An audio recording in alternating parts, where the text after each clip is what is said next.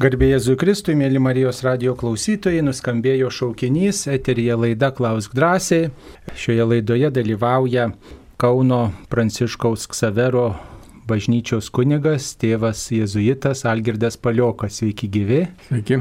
Ir taip pat aš kunigas Saulis Bužauskas. Džiaugiuosi, kad galime drauge štai būti viesioj studijoje ir, mėly Marijos radio klausytojai, su jumis tiesioginėje laidoje kalbėtis apie krikščionišką tikėjimą, atsakyti jūsų klausimus. Pabandykime atsakyti į klausimus, kuriuos jau esate jūs uždavę šiek tiek anksčiau. E, štai vienas klausytojas E, atsiuntė tokią žinutę. Dažniausiai apsireiškia mergelė Marija, o ypač retai Jėzus. Norėčiau paklausti, kodėl niekada neapsireiškia šventieji, juk ir jie regi Dievą akis į akį, turi šventumo pilnatvę ir klaidinti negali. Štai toks klausimas. Kaip mhm. galėtume atsakyti? Taip, e, tikrai taip. Šventieji pasirodo gana retai, bet jie tikrai pasirodo.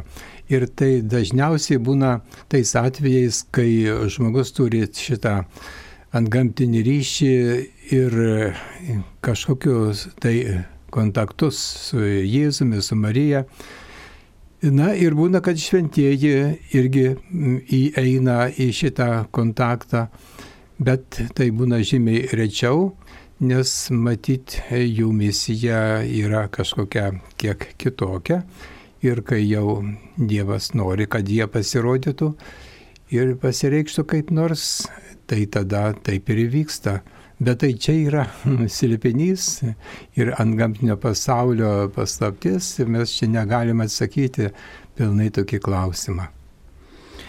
Na taip, čia Dievo, dievo veikimas, kodėl apsireiškė mergelė Marija, o ne Jėzus, o kodėl Jėzus Faustinai apsireiškė tų apsireiškimų yra ir daugiau, tačiau ne visus juos bažnyčia pripažįsta, kai kuriuos tyria, tyria gana ilgai ir e, tyria vietinė bendruomenė, paskui tyriami tie apsireiškimai Vatikane, kongregacijose. Tai, e, na, iš tiesų, e, turbūt ne tai svarbiausia yra, net ne Jėzaus apsireiškimai, net ne Marijos apsireiškimai ir ne šventųjų, bet tai, ką Jėzus savo gyvenimu ir žodžiu atskleidė, kas yra parašyta šventam rašte ir ką jis patikėjo per apaštalus visai bažnyčiai nešti. Tai yra svarbiausia - sakramentų šventimas, dalyvavimas šventose mišiuose, maldos gyvenimas ir prieimimas Dievo žodžio, kurį jis paliko um, savo mokiniams ir kuris pasiekė mus iki šių dienų. O tai yra svarbiausia - visa, ko reikia išgelbėjimui mūsų,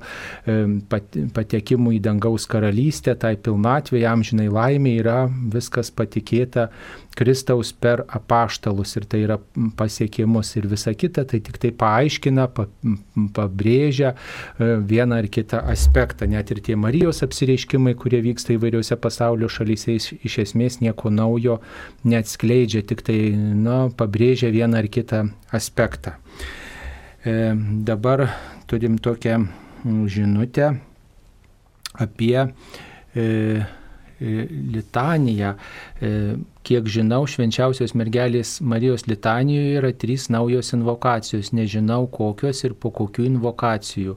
Neturiu kompiuterių ir negaliu pasižiūrėti. Taigi, e, mėlyms Marijos radio klausytojams, norime priminti, kad minint nekaltąją švenčiausios mergelės Marijos širdį, tai yra praeitą šeštadienį po Jėzaus širdies minėjimo, e, lygiai prieš savaitę Vatikane paskelbtas kulto, Dievo kulto ir sakramentų kongregacijos laiškas. Ir tas laiškas skirtas visų liet, visų pasaulio viskupų konferencijų pirmininkams. Iš esmės tas toks pirminis tikslas. Ir, e, ir tame laiške nurodoma, kad švenčiausios mergelės Marijos litanija, vadinamoji Loreto litanija, yra papildoma trimis e, naujomis invokacijomis arba kreipiniais į mergelę Mariją.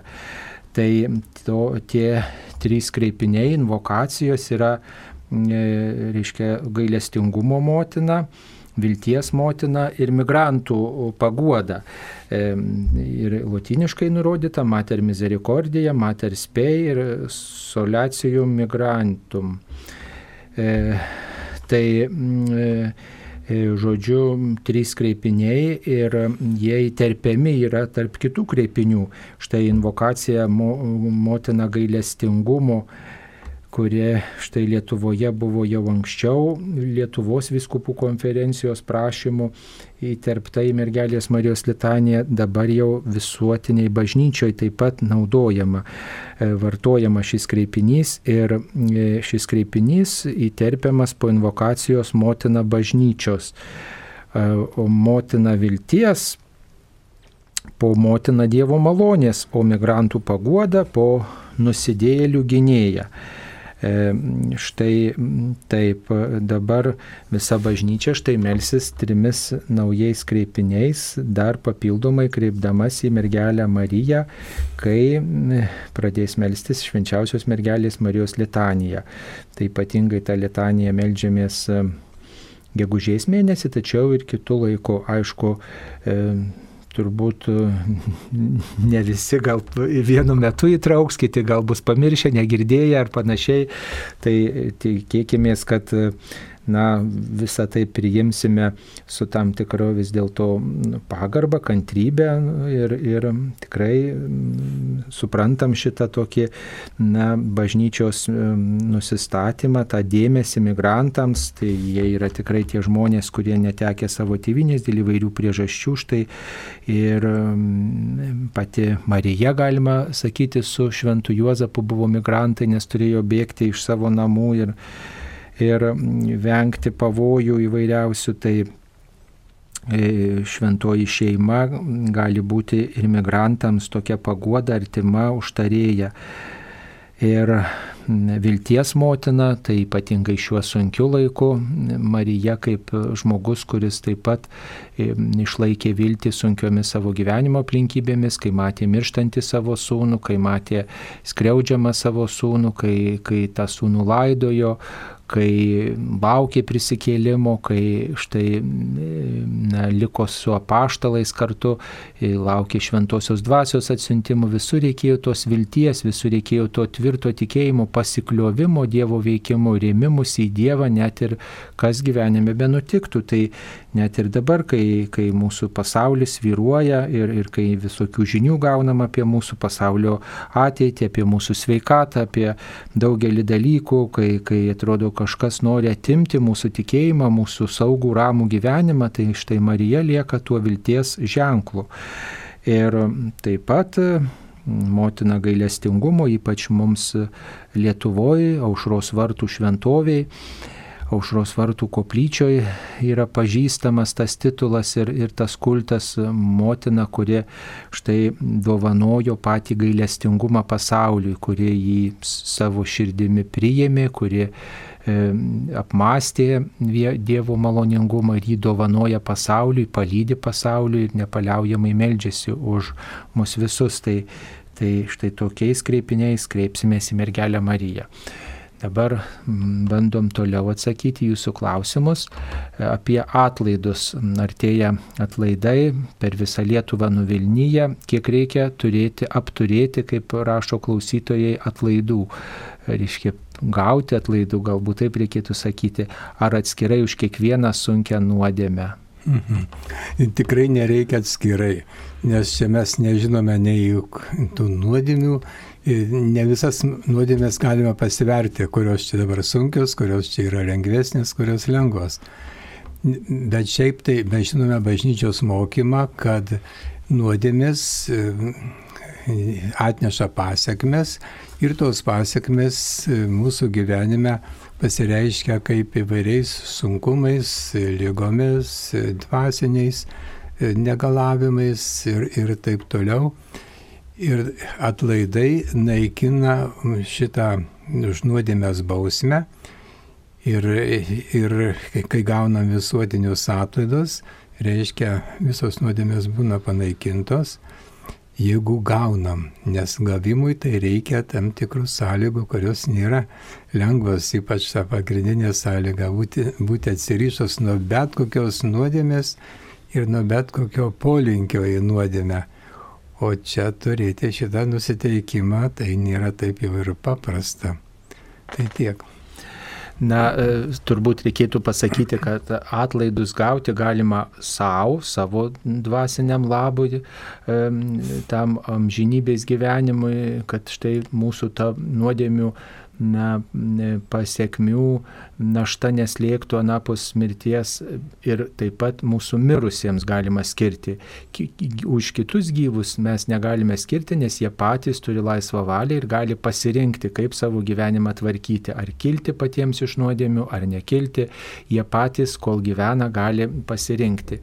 O mes nežinom, už kokią nuodėmę skiriame, mes apskritai skiriame už nuodėmių pasiekmes ir mes nežinom, kokios tos mūsų nuodėmių pasiekmes, kaip toli toli jos nuvilnyjo. Kartais būna, žinot, žmogus padaro kažkokią uh, sunkę nuodėmę ir, ir štai paprašo gailestingumo, uh, prieina iš pažinties ir atrodo viskas ten susitvarkė, tačiau, uh, na, galbūt uh, tos nuodėmės uh, štai padariniai likę ir, ir na, dar kol priejo iš pažinties, kol susitaikė, na, vienokio ir kitokio elgesio, galbūt papiktino kitus žmonės, žmonės ar atstumė nuo Dievo ar panašiai. Ir, ir tas toksai nuodėmių pasiekmių, žinot, šleifas, jisai, na, tęsiasi per mūsų darbus, per mūsų nusistatymus, per mūsų santykius ir, ir mes net nežinom, kiek toli tas nueina panašiai kaip akmenukas įmestas į į, į, žinot, į vandenį, tiesiog raibulius toli, toli per visą ežerą e, paskleidžia. Taip ir mūsų padarytos nuodėmės, tas pasiekmes turi ir eidami iš pažinties ir remdamiesi tais šventais žmonėmis, šventų žmonių gyvenimu ir paties Jėzaus istorija, mergelės Marijos gyvenimu, mes galime na, tas nuodėmių pasiekmes dildyti savo maldos gyvenimą puoselėdami. Tai atlaidams pelnyti yra tokios sąlygos, kaip jau ir kunigas minėjo, prieiti iš pažinties, priimti e, šventąją komuniją, pasimelsti popiežiaus intenciją E, tai yra pasimelsti už tai, kas rūpi popiežiui. Ir e, kiekvieną mėnesį popiežius skelbia tas ypatingas intencijas, kuriomis kviečia melstis visą bažnyčią. Mes kiekvieną rytą tas intencijas pranešame dienos paukojimų maldoje. E, ir taip pat, kalbėdami rožinį, kartai žmonės įvardina pasimelskim popiežiaus intenciją. Tai yra už tai, kas rūpi popiežiui, už tai, dėl ko meldžiasi popiežius. Ir mm, tada dar viena sąlyga tai yra na, išpildyti kažkokią specifinę praktiką. Štai jeigu yra parapijoje atlaidai, tai vadinasi tos šventės proga, to šventojo ar to minėjimo, tos iškilmės proga yra suteikiami tai bažnyčiai atlaidai. Ten, pavyzdžiui, trejybės atlaidai būna kažkokio šventojo, Jono Krikštitojo, Petro, Paulio, Petro ir Pauliaus atlaidai, Žemaičių kalvarijos atlaidai ir taip toliau per visą Lietuvą nuvilti Vilnyje kiekviena bažnyčia turi bent keletą tų atlaidų, tų progų, kada galime ateiti, dalyvauti iškilmėse, melstis štai kartu su bendruomenė ir priimti komuniją, jeigu reikia atliekame išpažinti ir būtinai pasimeldžiame popiežiaus intenciją. Tai yra už tai, kas rūpi popiežių, nes popiežius kaip Petro e, įpėdinis e, turi e, štai galę va, administruoti tas malonės, jam tai suteikta, tau duodu dangaus karalystės raktus, ką tu suriši žemėje, bus surišta ir danguje. Ir mes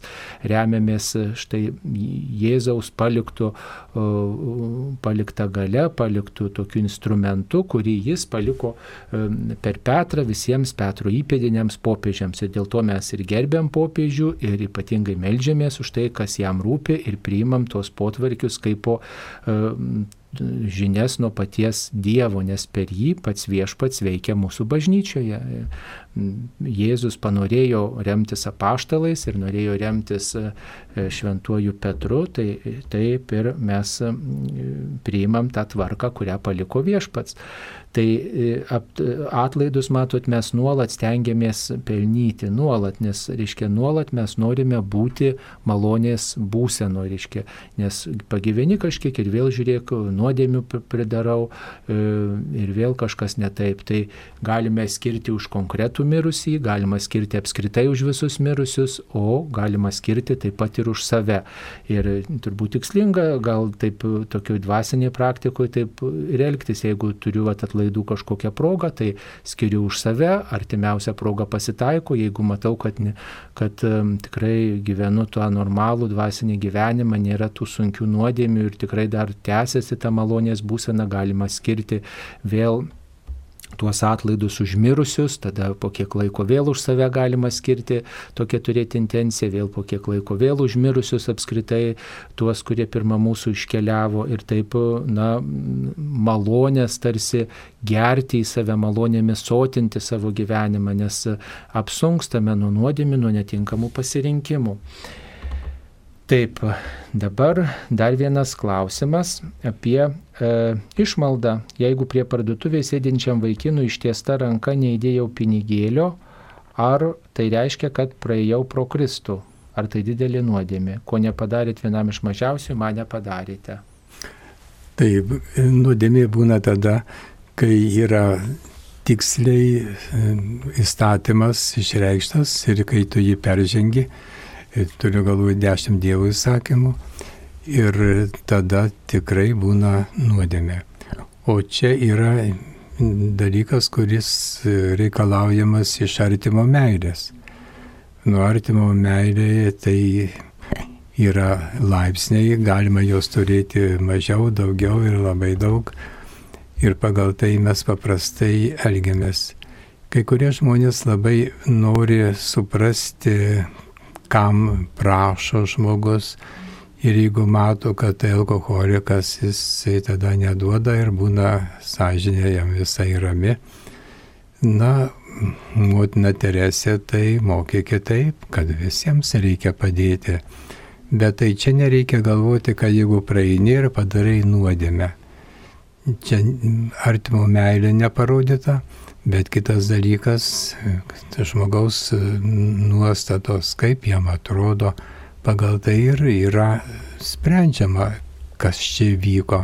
Ir pats žmogus, nu, žinoma, sunkiai čia gali nuspręsti, kaip čia, ką čia padarai, bet, bet taip sakant, nėra pareigos. Tik, Toliau. Turbūt svarbiausia, kad nesmerktume savo širdį pirmiausiai to žmogaus. Vat nesmerkčiau to žmogaus, kuris yra gal alkoholikas, narkomanas, veltėdis kažkoks. E, nu, mums atrodo, kad jis ten visai darbingas, o galėtų dirbti ir va, aš pagalvoju, koks tu čia šioks toks, aš neturiu, tau turiu duoti, o tu štai jaunas gali užsidirbti, kad mes neturėtume tokio teisimo. Va, vienas žingsnis. Antras žingsnis, jeigu galiu padėti maisto produktais, galbūt taip, galbūt pinigais, čia jau yra jūsų nusistatymas, čia jau kitas klausimas. O pro Kristų praeinam, kiekvienas sutiktas žmogus yra Kristaus atvaizdas, galbūt viešpats jums kitų progų duos patarnauti silpniesiems ir galite jūs nepaduoti e, išmaldos elgetai, bet galite aplankyti sergančius vienišus kaimynus, jiems patarnauti, paskambinti, nunešti kažką, pasidomėti, kaip jie gyvena ir ten sutiksit Kristų. Mums paskambino. Paskambino Viktorija iš Vilniaus rajono. Taip, Viktorija, klauskite. Garbėsiu Kristai, gerbiami, gerbiami ir mylimi visų mūsų vyrai, jūs Lietuvai, Lietuvos kunigai. Klausimas mūsų toks, ar galėčiau trumpai paliūdyti, gimusi 39 metais esu 1900 ir buvo 23 metų, kaip aš mačiau Jėzų. Jeigu ar gali tikėti, gali netikėti, bet tai vyko kelias sekundės, ar galiu paliūdyti? Trumpai, labai trumpai. Taip, e, buvau lankydų, labai melzdavausi, sunkus, met, sunkus metai buvo Lietuvai ir tokias vis per maldas ateidavo tokia mintis, Jėzau, kažin ar tu esi, kad taip kentėti reikia, Jėzau, ar tu esi. Ir staiga, reiškia, nu, turbūt buvo tikriausia naktis, nepamenu gerai. E, tik, sako, žiūrėk, aš esu. Ir aš, žinot, matau, reiškia, matau, reiškia, tokią nuostabę spalvas, tokias šviesias, nežinau, tokių spalvų nėra, aš nežinau, nei čiurlionio paveiksluose nėra. Ir, žinot, žiūriu ir staiga supratau, kad aš tikrai matau, aš savo įgnybiau, skaudžiai, skaudžiai įgnybiau, kad nesapnuoju, kad ne, ne, nu, reiškia, tikrai matau. Galvoju, nu reikia paklausyti, dabar Jėzų matau ir staiga jis išnyko. O tai Jėzus pasirodo, tikrai pasirodo. Bet tik tiek, nu ačiū. Taip, ačiū Jums, kad Jūs štai turite, branginate tokią tikėjimo patirtį kiekvienam mūsų gyvenimo keli, kiekvienoje mūsų gyvenimo istorijoje yra tokių e, subtilių patirčių, kurios kartais gali atrodyti kitiems žmonėms ir nesuprantamos, keistos, tolimos, e, bet kiekvienas mes e, turim savo prieigą prie viešpaties. Ačiū Jums. Taip, dabar dar vienas klausimas apie šventą įraštą Jono Evangelijos šeštasis skyrius. E, niekas negali ateiti pas mane, jeigu jam nėra duota tėvo, jei mane pasiuntęs tėvas jo nepatrauks. Ir tikriausiai mums reikėtų tai pakomentuoti. Kaip galėtume pakomentuoti, kad turi tėvas patraukti Visų pirma, mes negalime galvoti taip, kad Dievas, sakysim, įskaičiuoja, va tau, tau patraukimas priklauso, tau ne, tau priklauso, tau ne ir panašiai. Nes iš tikrųjų Dievas sukūrė e, mus savo dangui ir kiekviena, nu, kiekvieno žmogaus laukia, kai jisai tą dangų pasiektų. Ir pasiektų tomis žemiškomis priemonėmis, kurias jis mums yra suteikęs. O dabar dėl to patraukimo, nepatraukimo, čia jau gana sunkus klausimas, bet jau bent dalinai galima suprasti, kad e, vis tik priklauso nuo žmogaus. Žmogus apsisprendžia labai įvairiai, reiškia, kuriais, kuria kryptimi, ką darys, ką veiks ir, ir ką kalbės ir nuo žmogaus apsisprendimo labai daug kas priklauso. Nu įdomu tenai pasižiūrėjus dar į tekstą, kas prieš, kas po, gal tenai dar paaiškės. Taip, 65, Jono Evangelija pagal Joną 6 skyrių 65 eilutė. Jėzus sakė, štai kodėl aš jums sakiau, niekas negali ateiti pas mane, jeigu jam nėra duoto, duota tėvo. Nuo to meto nemažai jo mokinių pasitraukė ir daugiau su juo nebevaikščiojo. E, taigi šeštajame skyriuje yra bent trys eilutės panašią mintį išreiškintis, kad tėvas turi patraukti e, žmogų, duoti žinę, kitaip sakant, duoti tikėjimo dovaną, kad galėtume sekti paskui Jėzų.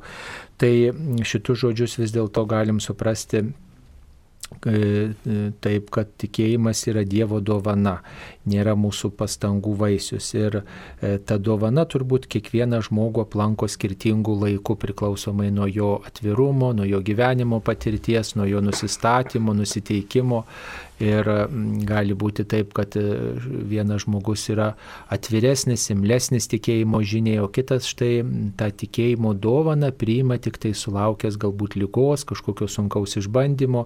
Tai na, Dievas kiekvieną myli savitų būdų ir kiekvienam Dievas duoda tikėjimo dovaną tam tinkamu laiku. Mes kartais norim, kad kuo greičiau tas įvyktų ir galbūt teisėtai to norim. Mamos, močiutės nori, kad jų vaikai, anūkai iš jaunumės atrastų tikėjimą, bet e, matyt, kaip ir, žinot, vaisiams sunokti reikia tinkamo metų, taip ir matyt, kai kurių žmonių tai, ta, tam tikėjimo pasirinkimui vis dėlto reikia tinkamo metų sulaukti. Nu, įvairios aplinkybės čia dalyvauja, bet Dievas duoda savo dovaną ir laukia tinkamo metų, kada sudyks tas grūdas ir žmogus yra laisvas bendradarbiauti ir įvairių veiksnių veikiamas, bet jis štai vienu ar kitu metu tikriausiai nastoja į tokį vis dėlto aišku suvokimą, kad Dievas yra bent jau mirties momentu, mes tikime, kad tas įvyksta. Ir nu, vilėmės, kad Dievas vis dėlto suranda būdą, kaip prakalbinti kiekvieną žmogų, net ypatingai tą mirties valandą ir kada jau tas lemiamas momentas, ypatingai svarbu melstis už žmogų, maldą lydėti, dėl to mes ir lydėme mūsų mirusius maldą, kad štai tas susitikimas su Dievu būtų, būtų na, šviesus ir kad žmogus ištartų Dievui taip, bent tuo paskutiniu savo gyvenimo momentu. O jeigu ištarė anksčiau, tai, kaip sakant, pilniau pasiruošia tam susitikimui, labiau atsiveria malonėm, labiau gyvena pagal viešpatie žodį ir, ir tiesiog daugiau jo gyvenime yra tų Dievo dovanų. Taigi, taip atsakytume. Dabar mums paskambino. Kasgi paskambino? Valerija iš Raseinių rajono. Taip, Valerija, klauskite. Aš noriu sužinoti, čia laiške rašo, Krikščioniškosios kultūros instituto generalinis direktorius Karolis Tankievičius. Aš noriu sužinoti, ar tas pats susijęs su Marijos radija tas institutas. E, na, Marijos radijas yra Marijos radijas, o Krikščioniškos kultūros institutas yra atskira įstaiga. Kartais galbūt dalyvauja kai kurių įstaigų žmonės mūsų laidose, pasisako įvairiais klausimais, imame interviu iš jų, kalbasi, žmonės įvairiai, įvairius požiūrius išreiškia, bet čia yra skirtingos įstaigos. Marijos radijas e, yra tikėjimo žinios kleidėjas ir mes e, tiesiog sako, kviečiami įvairių žmonės dalyvauti programoje, dalyvauti laidose ir, ir jie pasisako, štai taip atsakytume. Taip, ačiū Jums. Dabar štai e, E, mm, mums siunčia žinutes ir mes stengiamės jas atsakyti. Jam žinybė išėjo žmogus be ligonio sakramento, dabar tik mišių užprašymas nuo širdį malda pašventinta žvakutė ant kapo ir atsiprašymas už jį viešpaties. Ar taip? Nu taip, tikriausiai kito būdo nėra. E, pasitikėti, kad Dievas vis dėlto jam vienam žinomu būdu tą žmogų prakalbino, tą žmogų sutiko, mes nežinom, kas įvyko mirties momentu, net jeigu žmogus atsisakė ligonio sakramento, niekada bažnyčia nėra pasakiusi, kad vienas ar kitas žmogus jau yra pražūty. Mes nežinom, kas vyksta tuo natūraliu mirties momentu ir kaip ten tas susitikimas gali pakrypti ir kaip žmogus reaguoja. Daugybė yra liūdėjimų, kad štai tuo momentu žmogus mato visą savo gyvenimo istoriją, visą savo visus savo netinkamus pasirinkimus, dėl to bažnyčia kviečia melstis už iškeliaujančius ir iškeliavusius ir tai galima padaryti, tuo pačiu mes, galima sakyti, laimime dvi pergalės. Mes stipriname ryšį su mirusiuoju ir Dievo akivaizdon stodami, Dievo prašydami mes tiesiog teikiam jam dvasinę pagalbą. Ir kitas dalykas, kad mes stiprinam savo tikėjimą. Tokiu būdu, stiprinam tikėjimą amžinuoju gyvenimu gyvenimu Kristaus pergalę. Ar taip, kunigė, dar ką pridėkite, jeigu... Taip, svarbiausias dalykas yra malda. Niekada negalime prarasti vilties. Na ir šventųjų mišiauka, kaip jūs žinote, yra pati didžiausia malda mūsų žemėje, kuri daugiausia gali padaryti. Tai va, nežiūrint, kad jis taip iškeliavo, jūs vis tiek užprašinėkite reguliariai mišes ir šventai tikėkit, kad Dievas pasigailės. Taip. Dabar klausimas kunigui gerbiamam Algirdui Paliokui. Labai patiko jūsų knyga žodžiai, turbūt kažkam atidavė, ar negalima būtų ją pakartotinai išleisti. Labai gera knyga, taip pat nuostabi knygelė jaunimui, ieškojau meilės. Labai reikalinga knygelė galėtų skaitoma, būti skaitoma tikybos pamokų lankytojams. Na va. Tai pirmoji knygutė, žinot, atsirado Ir todėl, kad rašiau straipsnius į tuo metu karito žurnalą ir paskui tie straipsneliai jaunimui apie meilę, draugystę ir šeimą buvo sudėti tą knygutę. Ir tai buvo 95 metais. O dabar apie, apie žodžius. Irgi taip pat rašiau į laiškus bičiuliams, laiškus lietuviams Amerikoje einantį žurnalą. Ir iš to išėjo šitas, šita visa mano knyga. O dabar perleisti perleisti šiais laikais yra gana problematiška, todėl kad e, skaitytojų skaičius vis mažėja ir mažėja ir e, leidžiama vis mažesnių tiražų ir neaišku, kaip, kaip išleisti paskui jau žmonėms. Nes, žinot, išleidimo kainos yra nemažos ir paskui va, su to išplatinimu yra problema. Tai va, taip, tai, tai taip ir stovi ir nežin, tiesiog nežinau nei, nei ką daryti. E, šiuo metu va, girdžiu tokius m, įvertinimus, paprašymus, bet m, kažkaip nesirištų toliau žengti žingsnio. Taip, na matot, jeigu būtų labai daug skaitytojų ir jie pasiryštų padėti jums išplatinti, gal ir išleistumėte. Taip, gerai. Tai ačiū, kad jūs skaitote knygas, mėly Marijos radio klausytojai, kad jūs ne tik klausotės radio, bet ir skaitot knygas, lankote bažnyčias. Dabar kviečiame tikrai šiuo metu jau nebijoti lankytis bažnyčiose, ypatingai sekmadienį. Jau matom, kad gatvėse tikrai daugiau žmonių ir ne tik į parduotuvės eiti, bet ir sekmadieniais eiti į šventasias mišes, priimti šventą komuniją, atlikti išpažinti, tikrai grįžti prie to sakramentinio gyvenimo, nes tai yra mums reikalinga pagalba ne tik tai sėdėti patogiai namuose, kaip mums patogiau, bet ir priimti tą mokymą, kuris na, buvo, galima sakyti, e, perkratomas, e, tikrinamas, tiesiog revizuojamas įvairiais būdais, ne, ir tiesiog, na, kėlėm klausimus, kaip mes galim likti be mišių, kaip mes galim likti be sakramentų ir štai dabar turim galimybę, va, na, vėl laikyti egzaminą, ar mums tikrai svarbus tas gyvas susitikimas su Dievu, ar tikrai tie svarbus ženklai ir nelikime abejingi.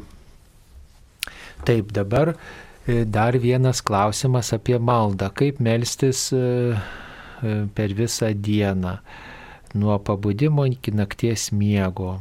Toks klausimas prašo patarimo ir kaip melstis naktį, kai žmogus štai nubunda ir kankina nemiga. Mm -hmm.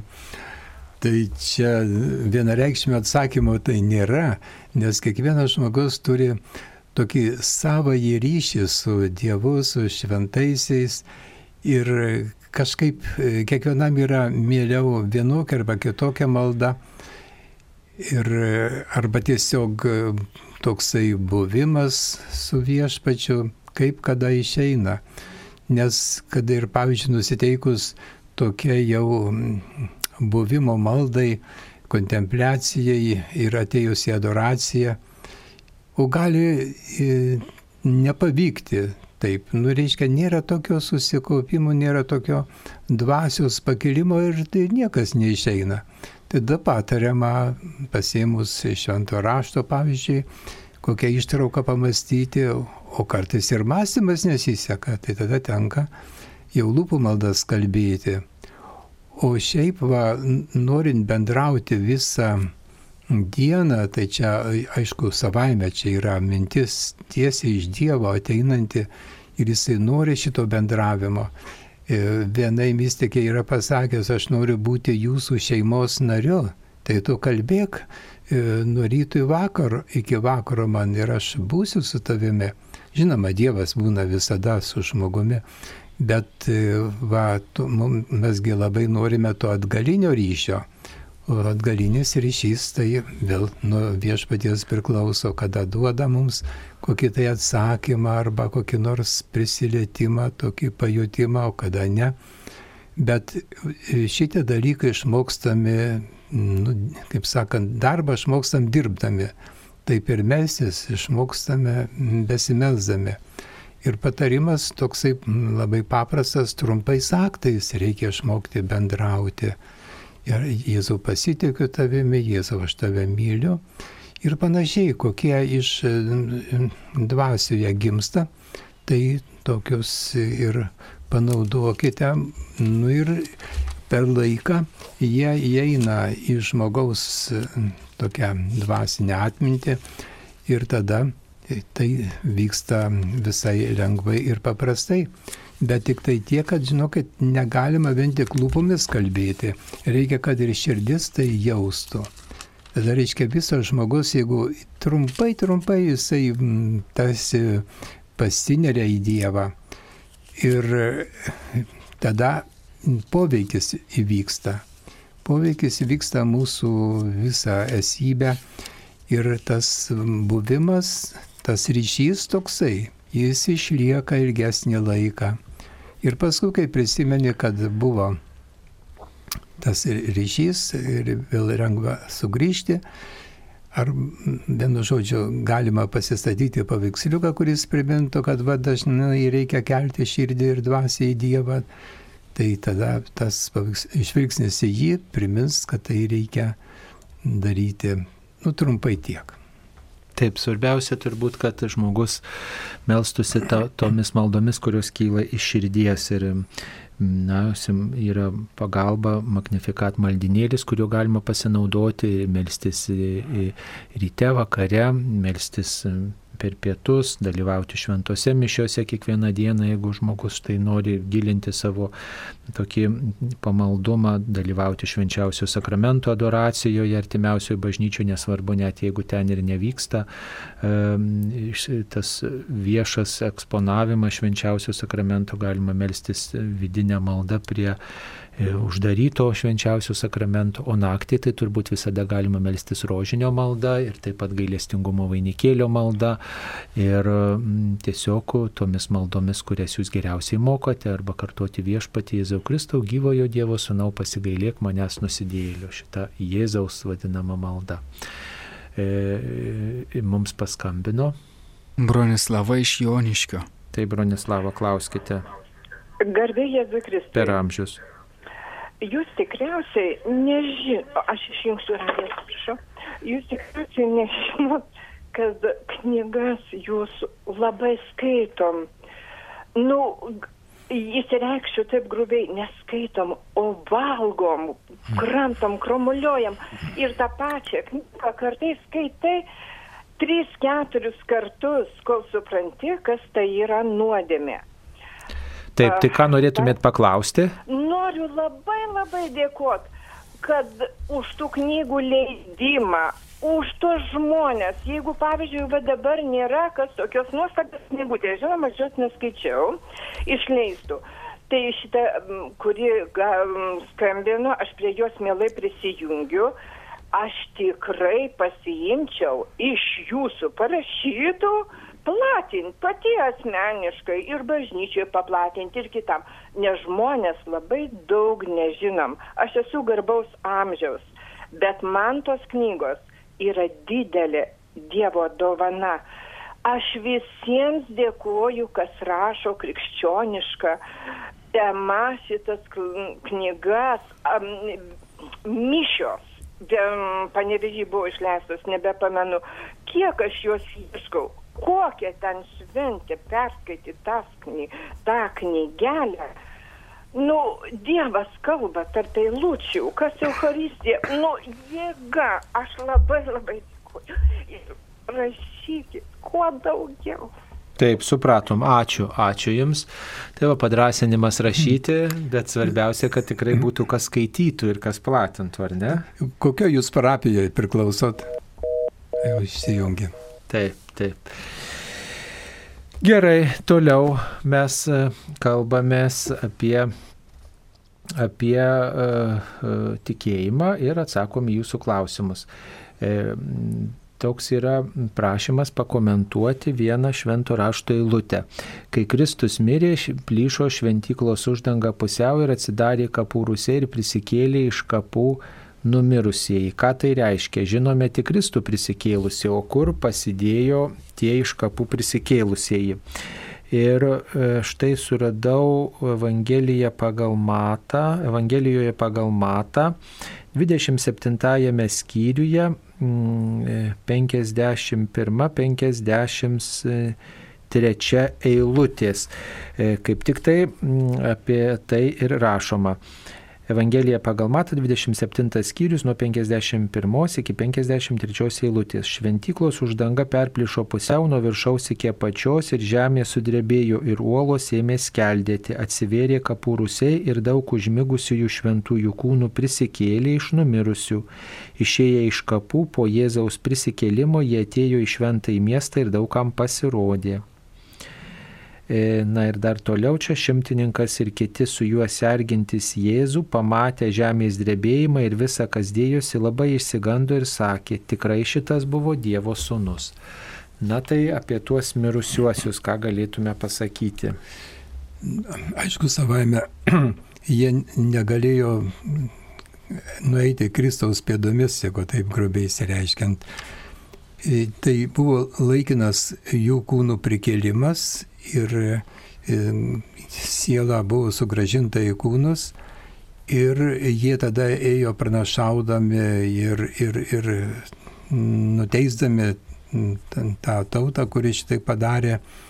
Ir atėjus laikui vėl grįžo savo vietą ir, ir, ir viskas, ir siela nuėjo į, į savo vietą. Tai čia suprantama, kad Kristus iš pragarų, iš tos laukimo vietos pasiuntė kai kurias sielas į kūnus. Ir tada, nežiūrint to, kad tie kūnai buvo daugumoji gal apipuvę, gal vien tik tai buvo e, kaulai ir vis tiek e, jie galėjo kalbėti Dievo veikimo dėka. Na ir jie atliko savo misiją, kad žmonės suprastų, ką jie padarė, žinoma, gailėtųsi ir atsiverstų. Tai savo misiją baigė ir, ir tiek, ir viskas pasibaigė. Taip, tai čia turbūt svarbiausias tas buvo ženklo, ženklo tas e, efektas, kad, reiškia, Jėzus e, prisikėlė iš kapo e, ir taip pat, na, tai tikrai buvo toks įvykis, neturėjęs precedento iki to laikotarpio ir vadinasi, kažkaip tikrai tie ženklai nuvilnyjo per e, visą tą na, pasaulį tuo metinį. Ir mm, tie, kas matė tuos ženklus, tikrai suprato, kad čia dedasi svarbus įvykiai. E, na ir turbūt e, tas šventyklos uždangos perplišimas yra toksai simbolinis, kad, reiškia, ta Senojo testamento visi tie nuostatai dabar jau įgauna tokią istorinę prasme ir dabar prasideda naujas etapas, tas prieimas prie Dievo dabar jau na, kitoks ir e, tiesiog mirusiųjų tas prisikėlimas rodo, kad atėjo naujas etapas na, to gyvenimo tokio, kuris e, dabar jau pasiekiamas na, kitų būdų per Jėzų, kuris nugalėjo mirtį, kuris įveikia nuodėmę, įveikia kančią, blogį ir net tą pačią baisiausią patirtį mirtį. Ir dėl to e, na, daugelis suprato, kad čia prisikėlimo tas įvykis yra na, tikrai iškalbingas ženklas. Ir, ir vėliau, kai buvo atsiųsta šventoji dvasia, dar tas tikėjimo tikėjimo matmuo giliau suprastas ir na, apėmė daugybę žmonių, įgavo tokią drąsą žmonės liūdėti apie tikėjimą. Tai dar noriu pridėti ir tai, kad tos šventyklos už, uždangos plėšimas parodė, kad su senaja sandora yra baigta, dabar naujoji sandora per, per Kristaus kūną ir kraują sudaroma ir tai kartojama mišiose ir tai yra amžina sandora, nes tai amžinasis Dievas tai padarė. Reiškia, baigėsi senieji laikai, mesijo lauk, laukimo laikai, baigėsi senoji sandora ir prasidėjo naujoji sandora. Taip, dabar yra toks prašymas dar pakomentuoti trečiąją Fatimos paslapti. Trečiąją Fatimos paslapti. Mm, tai yra 1917 metais mm, nuo gegužės 13 iki spalio 13 dienos Fatimoje e, vyko čia Portugalija e, kas mėnesį tokie apsireiškimai trims piemenėliams, mažiems piemenėliams Ir mergelė Marija pasirodė keletą kartų, vis kvietė ateiti į tą pačią vietą ir buvo perteiktos tokios trys paslaptis ir dvi iš jų buvo atskleistos greitai po tų apsireiškimų, o trečioji tiesiog įslaptinta ir tik tai 2000 metais apie tai e, na, popiežius Jonas Paulius II, šventasis popiežius Jonas Paulius II e, apie tai viešai prakalbo. Tai pirmos dvi paslaptys yra apie pragaro vaizdą. E, pirmoji paslaptis tai yra piemenėliai matė e, reiškia pragaro vaizdą, mergelė Marija juos guodė, stiprino, saugojo. Ir tikrai su, na, toks va ženklas, kad buvo parodytas, kad pragaras iš tiesų egzistuoja, kad tai yra reali tikrovė, dvasinė tikrovė, kančios tikrovė ir kad tai tikrai yra didelė grėsmė pražūti, jeigu žmonės nesirenka tikėjimo, jeigu gyvena nuodėmė, jeigu nesirenka santykio su Dievu, jeigu gyvena galvodami tik apie save, savo egoizmą. E, antroji paslaptis yra e, e apie tai, kad žmonėms reikia keistis, nes vyksta karas ir tikrai reikalinga taika, o tam, kad taika būtų, reikia atsisakyti nuodėmės, reikia atsiversti, melsti suoliai už taiką pasaulyje ir visą pasaulį paukoti nekaltai mergelės Marijos širdžiai.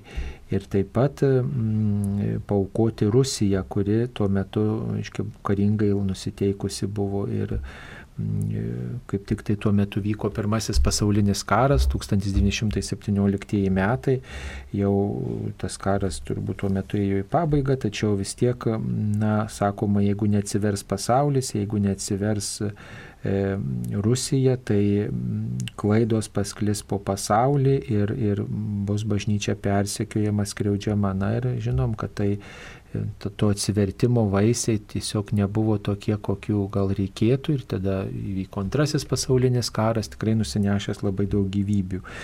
Na, trečioji paslaptis e, susieta buvo su bažnyčios persekiojimus tokiu vaizdiniu, štai, e, kad e, daug yra žuvusiųjų ir taip pat kopia į kalną vyskupas baltais drabužiais ir jis taip pat, reiškia, yra puolamas. Tai apie tai buvo toks vaizdinys ir, ir tai buvo įslaptinta, neskelbiama tiesiog, nes iki galo nebuvo suprasta, ką tai galėtų reikšti, apie ką tai. Ir kai buvo pasikesinimas į šventąjį popiežių Joną Paulių II, Ir kai jisai tiesiog na, įsigelbėjo, galima sakyti, per stebuklą, nes e, kulka, kuri jį kliudė, e, na, buvo visai arti gyvybinių tokių e, arterijų ir tikrai galėjo, galėjo per milimetrą, jeigu būtų kulka pataikiusi na, į tokius gyvybiškai svarbesnius organus, tai tikrai galėjo ir žūti popiežius Jonas Paulius II, tačiau jis įsigelbėjo ir tą kaip tik tai tai įvyko 13 mėnesio dieną ir tai priėmė kaip ženklą, kad Marija jį saugojo, globojo ir ta, ypatingai tą tokį pamaldumą e, į Mariją puoselio visą savo gyvenimą ir toji kulka, kuri perskrodė popiežiaus kūną, buvo įdėta į Fatimo, ją saugomą mergelės Marijos karūną. Tai tokia istorija, aišku, visokių tokių svarstymų, kad e, dar toji trečioji paslaptis e, gal galėtų dar ir kitai būti aiškinama, gal ir tikrai dar laukia persekiojimai bažnyčios, kur tikrai bus daug pavojų, daug žuvusiųjų krikščionių ir, ir dar, dar visokių tokių interpretacijų yra, tačiau na, bažnyčia aiškina, kad tai jau vis dėlto galėjo, vat, kaip ir popiežiaus istorijoje, na, būti išaiškinta, jo labiau, kad gyva tuo metu buvo Liucija ir jinai sakė, kad tikrai čia tas aiškinimas yra tinkamas, kad tai buvo susijęta su popiežiumi Jonu Pauliumi II. Tai bet kokiu atveju, ką mes galime daryti išvadas iš tų regėjimų, tai atsiversti. Mes visi galvojam, kad čia yra kažkokios samokslo teorijos, kurios nuo mūsų slepiamos, čia kažkas tai slepia, žino daugiau negu kad reikia žinoti, negu kad pasakoma ir, ir maždaug galvoja, kad čia kažkas yra nutylima, tai pagrindinė žinia vis tiek yra atsivertimas. Kaip bebūtų, vis tiek mums reikia atsiversti, rinktis tikėjimą sąmoningai, rinktis maldos gyvenimą sąmoningai ir gyventi kaip viešpats moko. Tai taip atsakytume kunigė, nebent jūs ką nors dar pridėtumėte. Tik tai noriu pasakyti, kad ta panašystė, da, ankstyvesnioji, kur Marija, kaip pasakė, jeigu žmonija neatsivers, ištiks karas ir atrodo, kad buvo dar paminėta, kad tai ženklas bus raudona šviesa šiaurėje.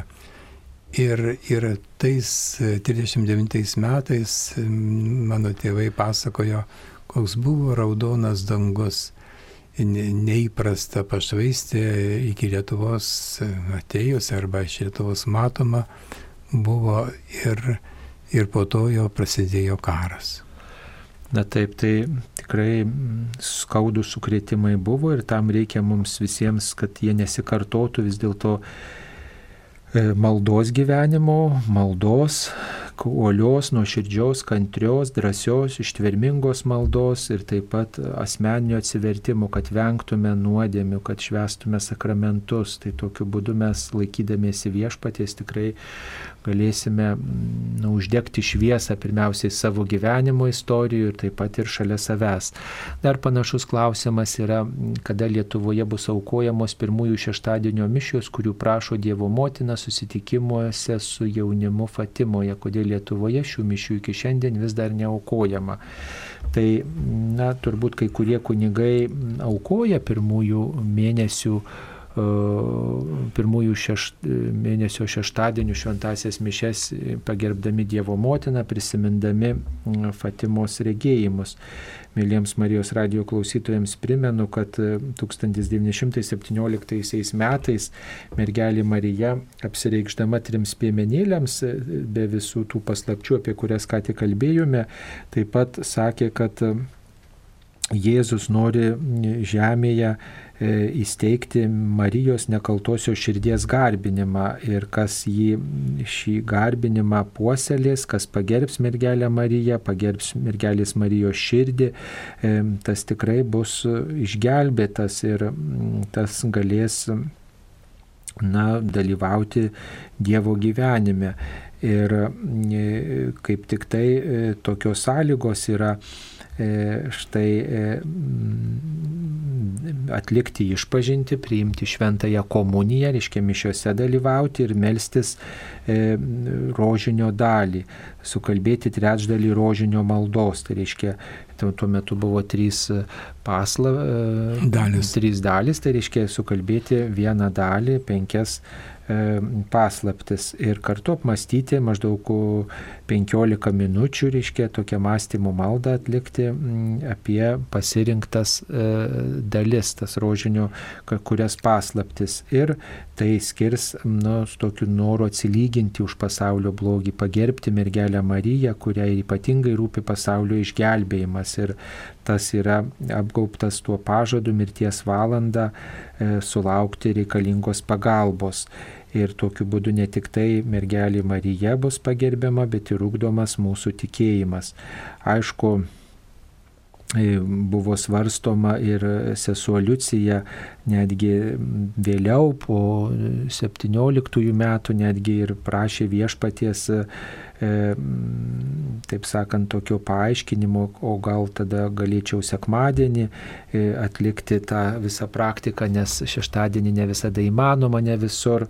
Tai, na, tokį suvokimą turėjau, kad vis dėlto galima, e, jeigu kitaip yra neįmanoma. Pirmas mėnesio sekmadienis ypatingai yra bažnyčiose minimas, net ir kai kur yra ir procesijos pirmą mėnesio sekmadienį, tai e, tiesiog sesuo Liucija, viena iš regėtojų, tikrai e, pat, gavo tokį patvirtinimą, kad pamaldi praktika priimtina sekmadienį einanti po pirmojo šeštadienio, jei dėl rimtos priežasties kunigas, na, vat, parapijos kunigas, na, vat, negali kitaip ir tai priima. Tai, tai, bet vis tiek tada reikia melstis rožinio dalį, penkias paslaptis ir apmastyti na, rožinio paslaptis ir taip pat pasimelsti už tą, tą atsilyginimo intenciją, norų, norų dalyvauti, norų užstoti e, kenčiantį, klystantį pasaulį, norą išreikšti tokį norą būti maldo žmogumi, būti tuo e, žmogumi, kuris štai užtarė nuo Dievo nutolusių žmonės ir aišku atlikti išpažinti ir priimti šventąją komuniją. Ir aišku, taip pat kalbamas ne, pasiaukojimo nekaltai Marijos širdžiai aktas. Pirmaisiais mėnesio šeštadieniais kiekvienoje maldaknygiai tą aktą galima rasti. Tai kodėl neaukojamos visoje Lietuvoje mišios, tai negaliu turbūt atsakyti, nes mm. čia yra paliktas laisvas pasirinkimas, tai nėra privalomas bažnyčios mokymas, tai tos visos pranašystės nėra privalomos, jos yra na, toks dovanos statusas, toks lobis, kuriuo pasinaudojame, jeigu, jeigu matome, kad tai yra naudinga. Ir jeigu viskupai, Lietuvos viskupų konferencija išleis tokį potvarį, kad privaloma aukoti šventasias mišes mergelės Marijos garbiai kiekvieną pirmą mėnesio šeštadienį, tai, tai tada kunigai tą darys, o tai palikta tokiam laisvam pasirinkimui. Jeigu mato naudinga, jeigu at, štai mato dvasinę naudą, tai pasinaudoja tais vaisiais, bet e, tokio privalomumo nėra, nes tai yra privatus apreiškimas, kurį bažnyčia pripažino, tačiau pats svarbiausias apreiškimas yra Jėzaus Kristaus paliktas apreiškimas. Ir čia mes turime dar ką nuveikti, kad tą apreiškimą atskleistume, parodytume ir priimtume, o visi tie privatus apsireiškimai, jie taip, jie yra naudingi, jie yra įdomus, bet jie nėra e, to oficialaus bažnyčios mokymo dalis. Apie Fatimos apsireiškimą jūs nerasite nei katalikų bažnyčios katekizme, nei, nei, nei, nei kituose tokiuose, na, apskritai bažnyčios mokymo, oficialų bažnyčios mokymą apibrėžiančiuose dokumentuose, kas būtina mūsų išganimui. Tai yra tam tikras toks tokia, tokia pagalba, tam tikras, e, na, e, sakytume, e, jau perteklius, ne, ka, ka, kas mums padeda galbūt atrasti, palengvinimas. Atrasti patį, patį tikėjimo lobyną, bet niekuomet neišleiskime paties, paties to centro, paties to lobio, ką viešpats paliko per sakramentus, per, per, per savo mokymą.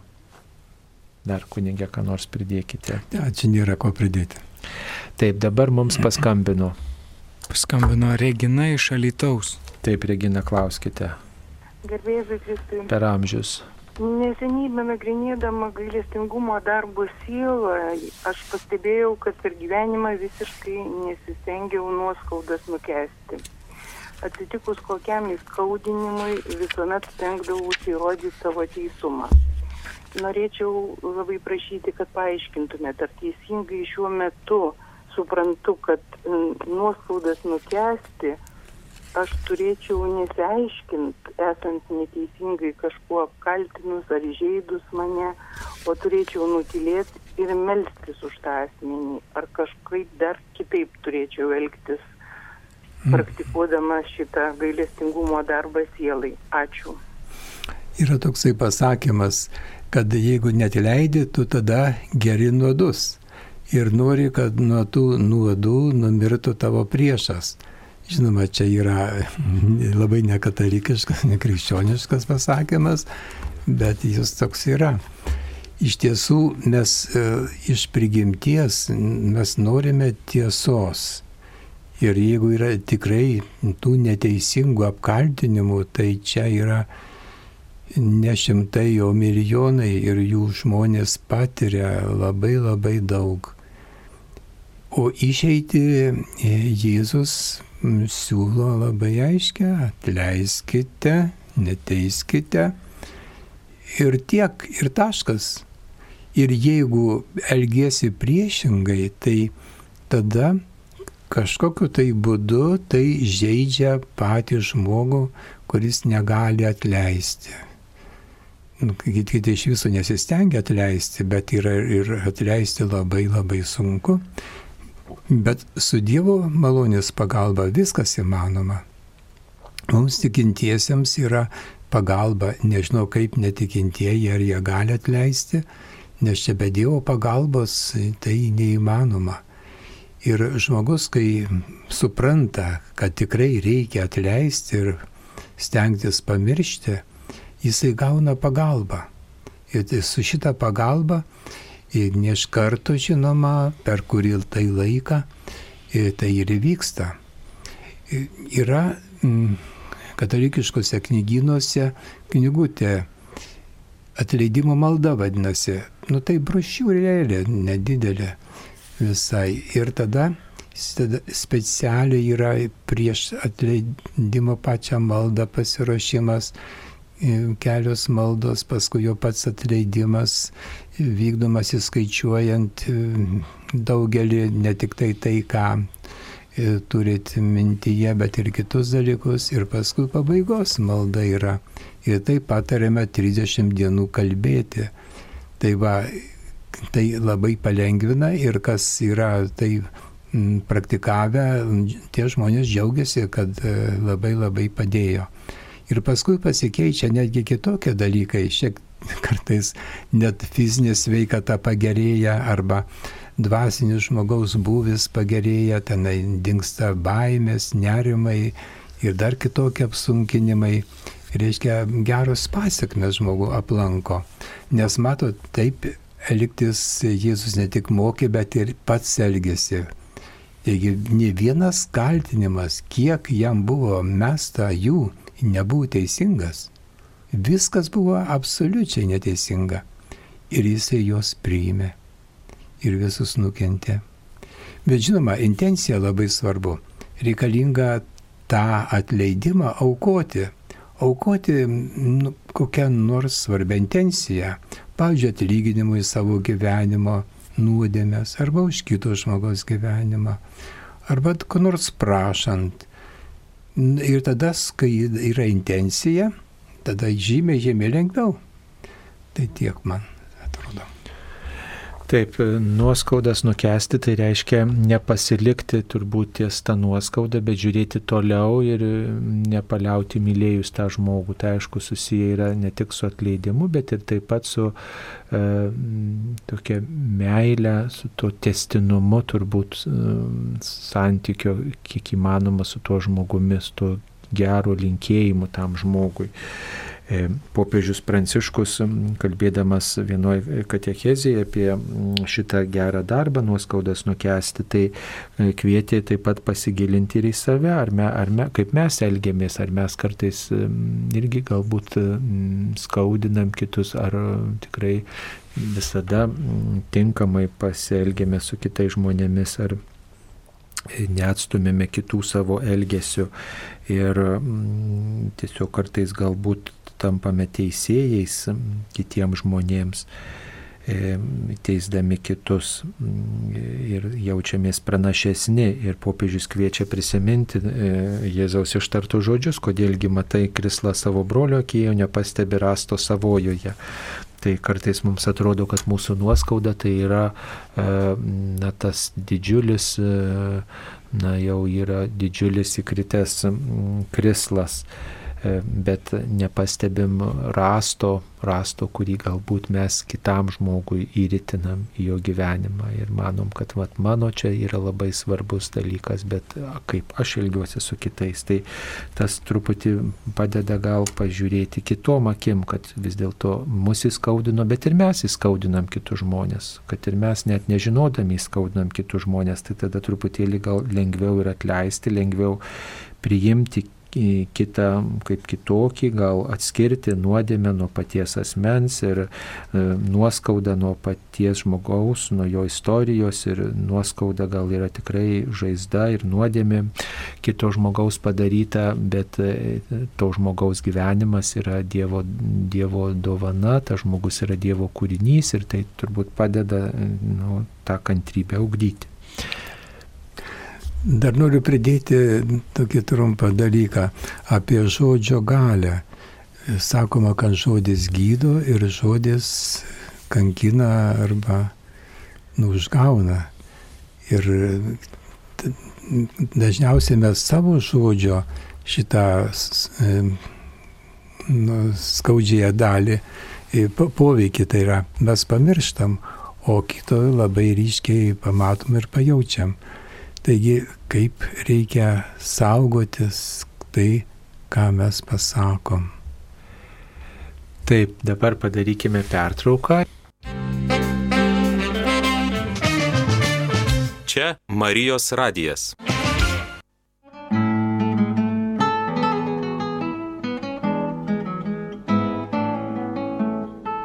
Mėly klausytojai, visi, kurie klausote, remiate, esate kartu su Marijos radiju. Vasaros metą likime šioje bendrystėje ir toliau. Birželio 28-ąją sekmadienį Marijos radijos savanoriai laukia jūsų šiuose bažnyčiose - Vilniaus Švento Arkangelo Rapolo bažnyčioje, Kauno Šventųjų Paštalų Petro ir Povilo arkikatedroje, Tauragės švenčiausios trejybės bažnyčioje, Gargždų Švento Arkangelo Mykolo bažnyčioje, kur švenčiami Švento Jono Krikštitojo atlaidai Kazlų Rudos švenčiausios Jėzaus širdies bažnyčioje, Simno švenčiausios mergelės Marijos įmimo į dangų bažnyčioje, Sviedasų švento Arkangelo Mykolo bažnyčioje kur švenčiami Švento Petro ir Povilo atlaidai.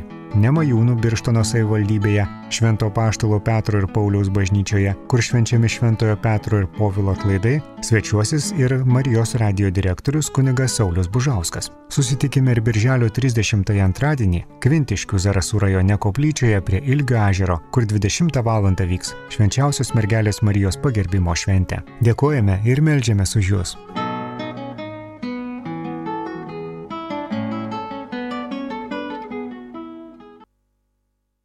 Dangaus karaliaus motina švenčiausia. Iš kūrinijos tu pati skaičiausia. Skelbam didelę dėdėl naujieną. Leipas pirmą dvyliktą dainom vyks didėja žemaičių kalvarijas atlaida.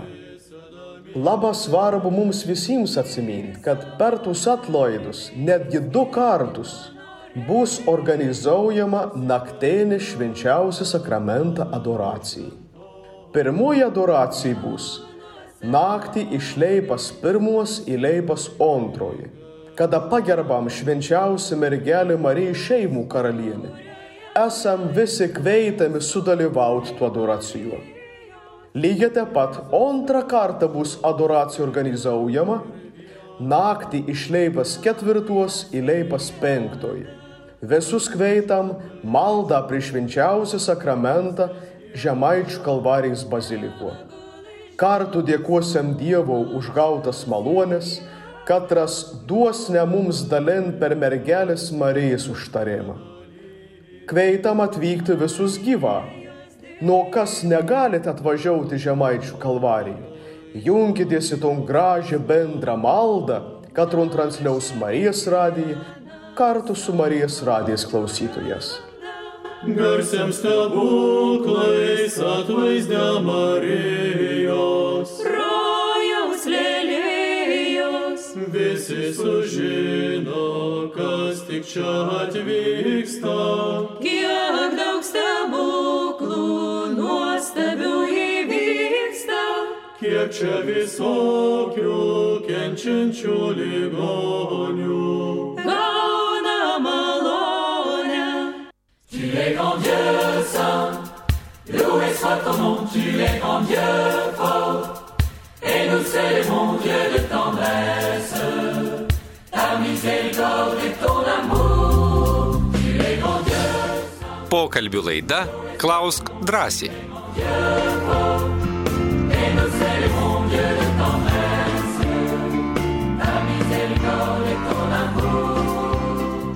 Dar kartą sveikinamės, mėly Marijos radio klausytojai, su jumis iš Kauno Marijos radijos studijos, laida, kurioje dalyvauja kunigas Algirdas Paliokas iš Kauno e, Pranciškaus Ksavero bažnyčios, kunigas Jėzuitas ir taip pat aš kunigas Saulis Pužauskas. Tęsėme e, atsakymus į jūsų pateiktus klausimus. Štai vienas klausimas apie paskutinę vakarienę. Ar per paskutinę vakarienę mokiniai pilnai suvokė Jėzaus padarytą duonos ir vyno esmė, kai tą klausė Antanas? Oho, tai čia labai sunku atsakyti, ką jie jautė, kaip jiems atrodė.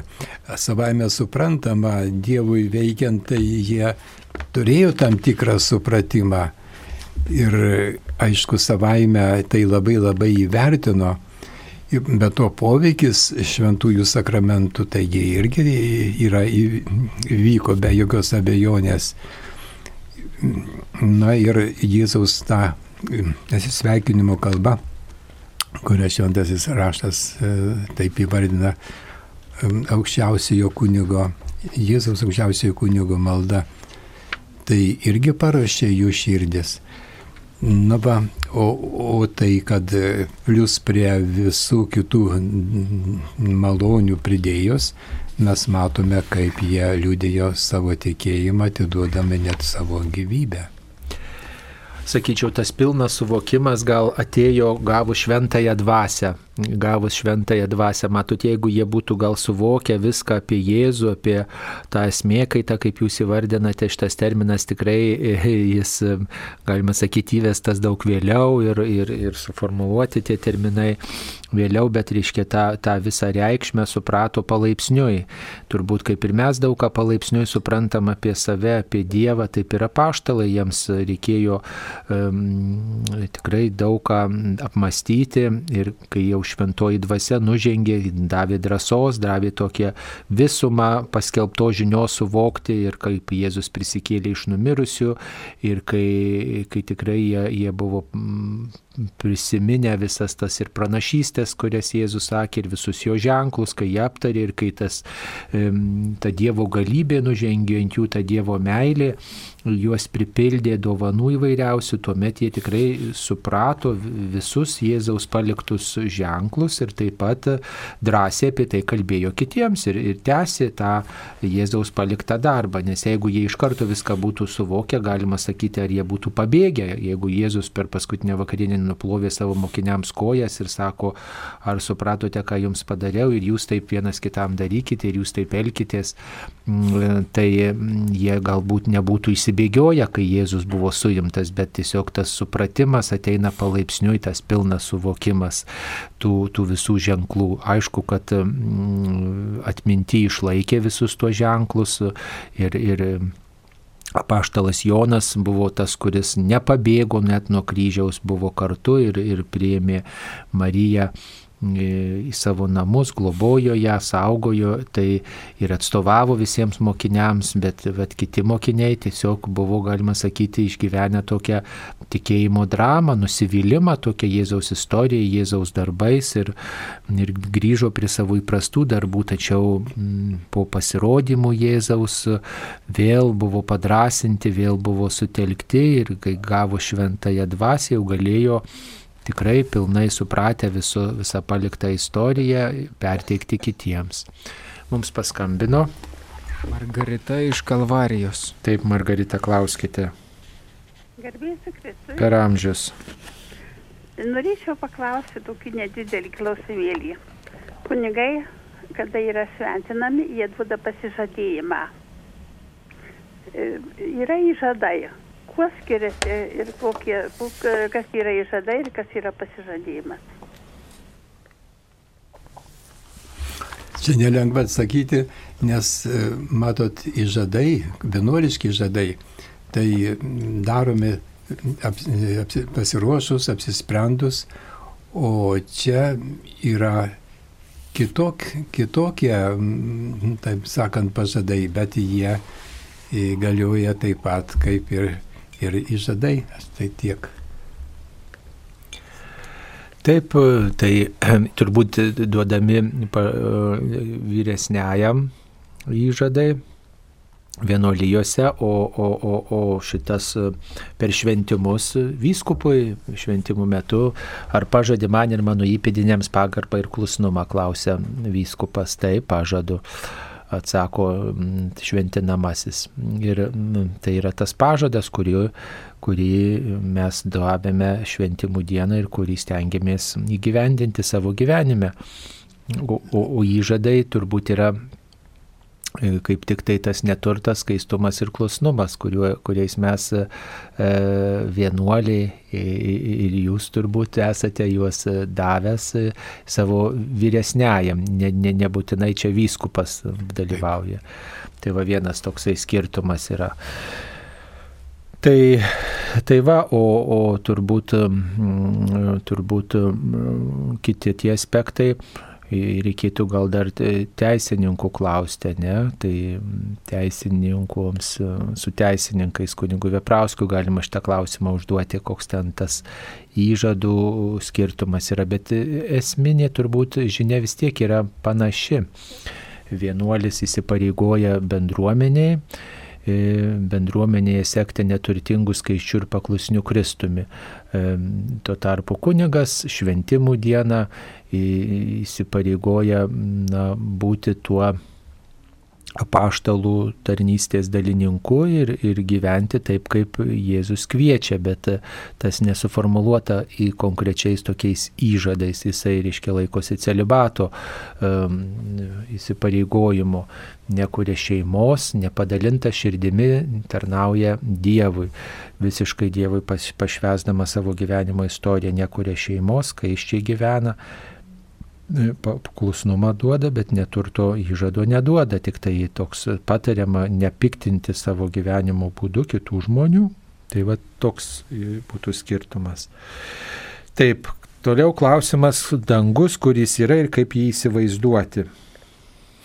Dangus pirmiausia yra ne vieta, o būsena, taip moko mūsų tikėjimas ir žemėje galima patirti ir pragaro būseną, ir dangaus būseną.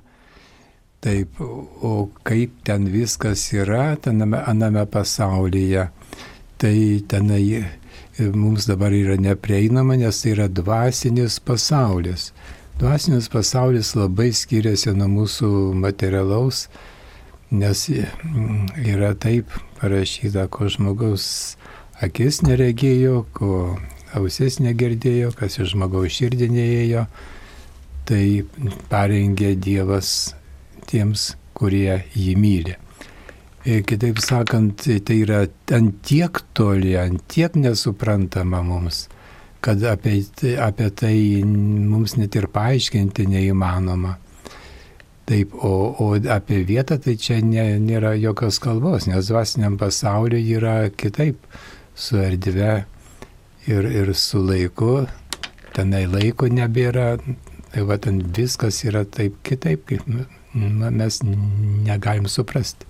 Mes įpratę viską matuoti erdvės ir laiko kategorijom. E, o, o, o ten matyti visiškai kitas tas būvis bus ir e, tas dangus tai yra tokia bendrystė turbūt su dieviškaisiais asmenimis, pirmiausiai su švenčiausiaja trejybė, su tėvu, sūnumi ir šventaja dvasia ir taip pat su mergele Marija su angelais, su visais šventaisiais, e, buvimas kartu, buvimas vienybėje artume tokiam santykyje ir yra dangaus patirtis, tai yra galutinis tikslas ir sakoma, kad žmogaus tas galutinis tikslas yra šven, palaimintas iš švenčiausiosios trybės regėjimas, kada mes veidas į veidą galėsime matyti tuos dieviškus asmenis, kurie mm, per kurių troškimą ne tik buvo sukurtas šitas pasaulis, bet ir jis mm, gelbėjamas ir palaikomas.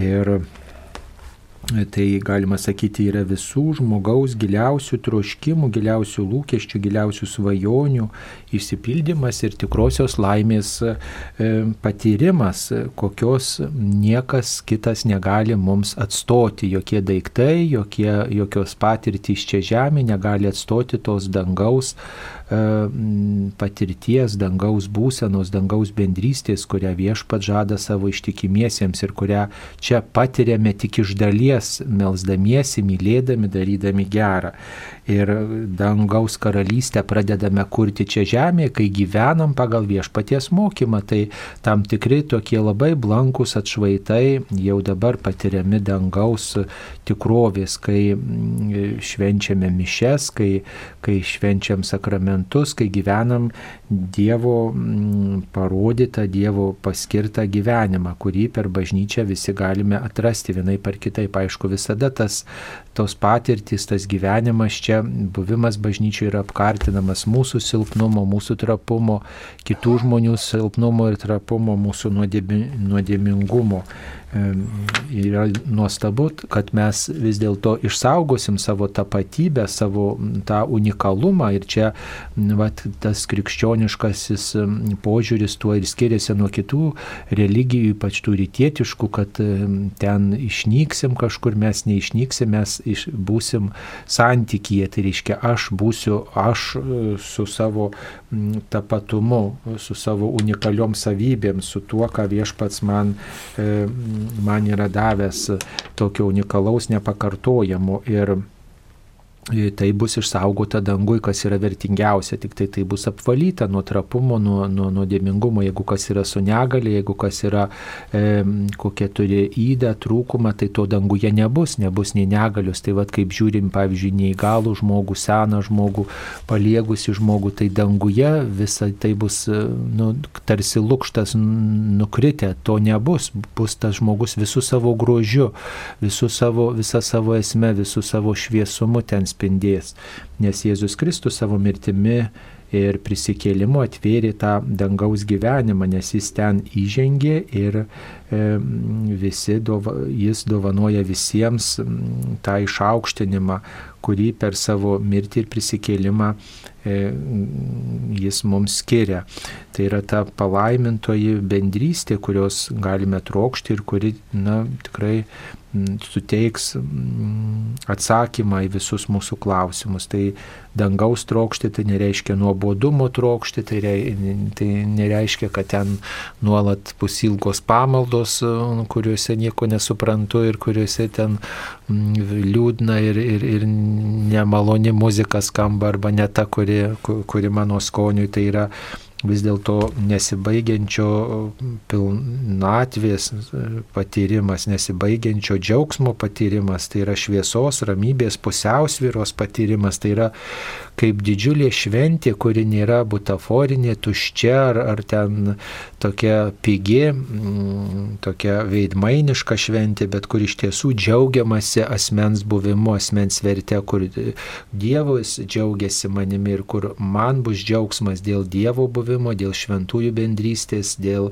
dėl to, kad e, gyvenau e, pagal tai, kaip viešpats kviečia, dėl to, kuo anksčiau žmogus pradeda gyventi, tuo labiau pasiruošia tam tai dangaus tikroviai, tuo mažiau e, lieka tų apnašų, kurios atskiria mus nuo viešpaties. Tai e, tikrai verta jau dabar trokšti tos pilnatvės, garbės, linksmumo, išaukštinimo, džiaugsmo, kurį viešpats yra paruošęs saviesiems, kurie į Dievo planą atsiliepia.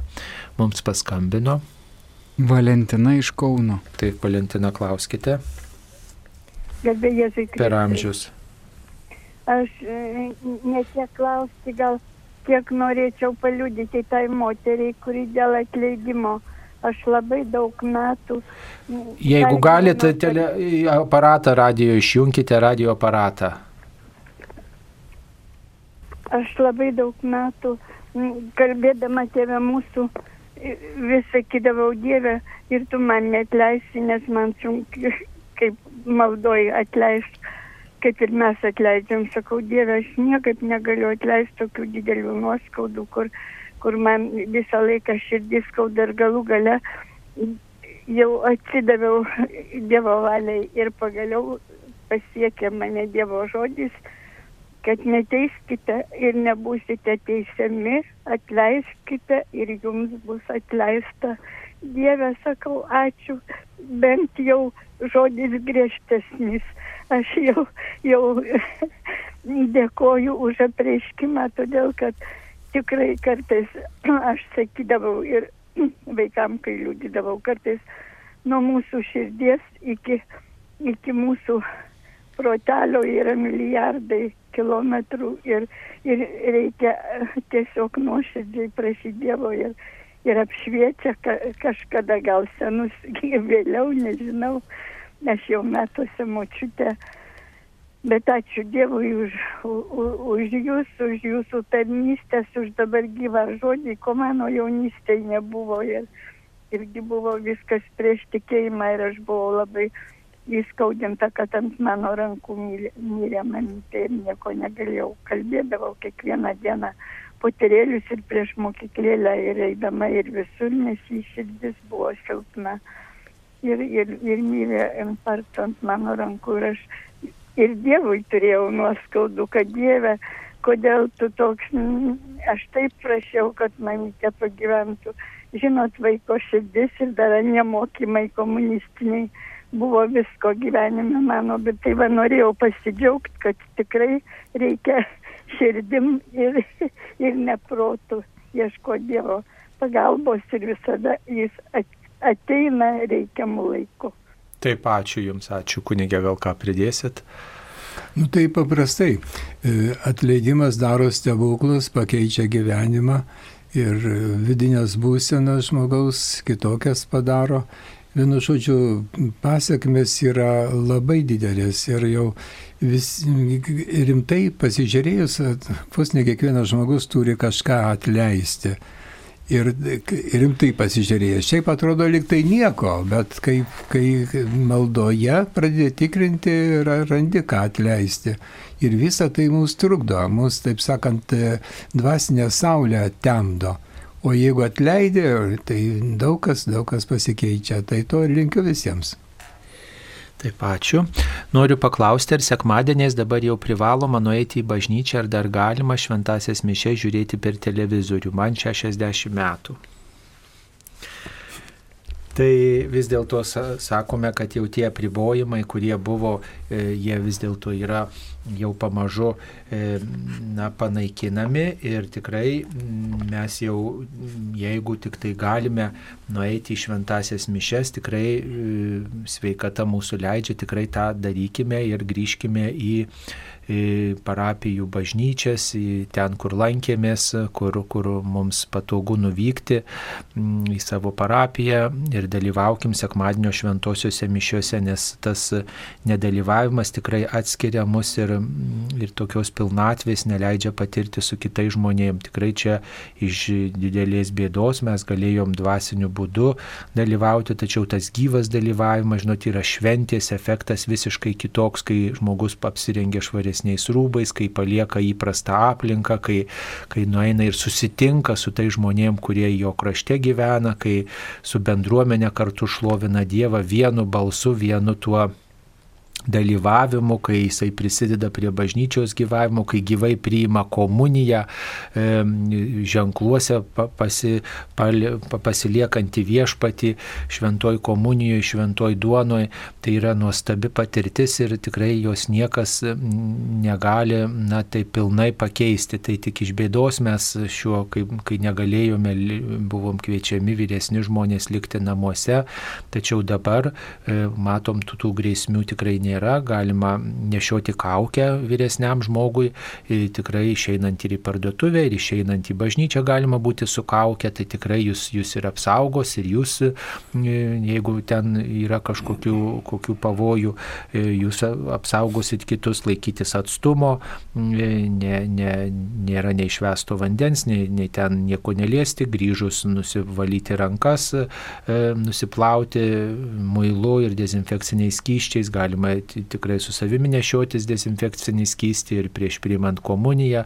į rankas taip pat dezinfekuoti savo rankas. Tai žodžiu, e, vat, patariama to taip laikytis ir tikrai tas gyvas šventimas šventų mišių jis yra nepakeičiamas, mėlyjei, taip kaip e, Niekas negali pakeisti mūsų valgymo, mūsų, mūsų gyvo susitikimo su, su mūsų artimaisiais. Jūs sako, va, susiskambinau ten su tuo, pasikalbėjau, nu tai pasikalbėjai, bet va, susitikimas, kai atvyksta žmogus pa žmogų, kai žiūri viens kitam į veidą, kai vienas kitą apsikabina, kai vienas šalia kito sėdi, kai bendrauja kartu, kai dalinasi rūpeščiais, kai, kai girdė atodusi vienas kito ir šalia čia padas dalyvavimo šventumo efektas yra labai svarbus. E, tai ir, ir sakramentuose tas yra svarbus, ir mūsų tikėjime tas yra svarbus. Mes visiškai kitaip priimam tikėjimo žinę, kai ją, kai ją švenčiam tuo būdu, kurio bažnyčia per tūkstantmečius yra palikusi. Ir mes likdami namuose mes smarkiai rizikuojame aptinkti, likti abejingi. Aišku, Dievo malonė daugelį žmonių, kurie labai bijo arba kurie ten tikrai dėl, dėl sveikatos problemų negali nueiti, negali pėsčiomis nueiti, negali sėsti automobilį, negali ilgai sėdėti, nes reikia ten į tualetą nueiti, ar ten ilgos pamaldos, ar ten e, karštis, ar šaltis, ar dar kažkas. Tai suprantama, tas žmogus labai turi protingai pasverti riziką, ar jis tikrai galės grįžti saugiai į namus, ar tikrai jisai e, nepakenks savo sveikatai tuo dalyvavimu mišiuose mišiuose. Tai turi žmogus pats nuspręsti, tačiau jeigu sąžiningai pažiūrėjęs tikrai gali dalyvauti e, šventose mišiuose, tikrai pasirinkite tą dalyvavimą. Geriau gal mažiau eiti į parduotuvę arba paprašyti, kad kas nueitų iš jūsų artimųjų arba dar kažkur kitur, bet neapleisti šitos dvasinės praktikos, kuri vat, per šitą gyvą dalyvavimo ženklą yra išgyvenama. Tai tokiu būdu mes mm, savo žalą padarysim, jeigu mes labai lengvabūdiškai, ai Dievas girdi, ai aš pasimelsiu kokią maldą. Tikrai jokia malda namuose neatstos gyvo dalyvavimo šventose mišiuose. Aišku, ligoniai, kurie sunkiai serga, kurie tikrai gali didelę žalą padaryti savo sveikatai, nueidami į bažnyčią, kitiems rūpeščio daug sukelti, tai jie na, yra kviečiami melstis namuose ir, ir kviesti viešpati, kad jis jį aplankytų ir pasinaudoti tą dvasinę komuniją, kuri teikiama kaip išimtis, bet ne taisyklė kaip išimtis dvasinė komunija, kaip išimtis.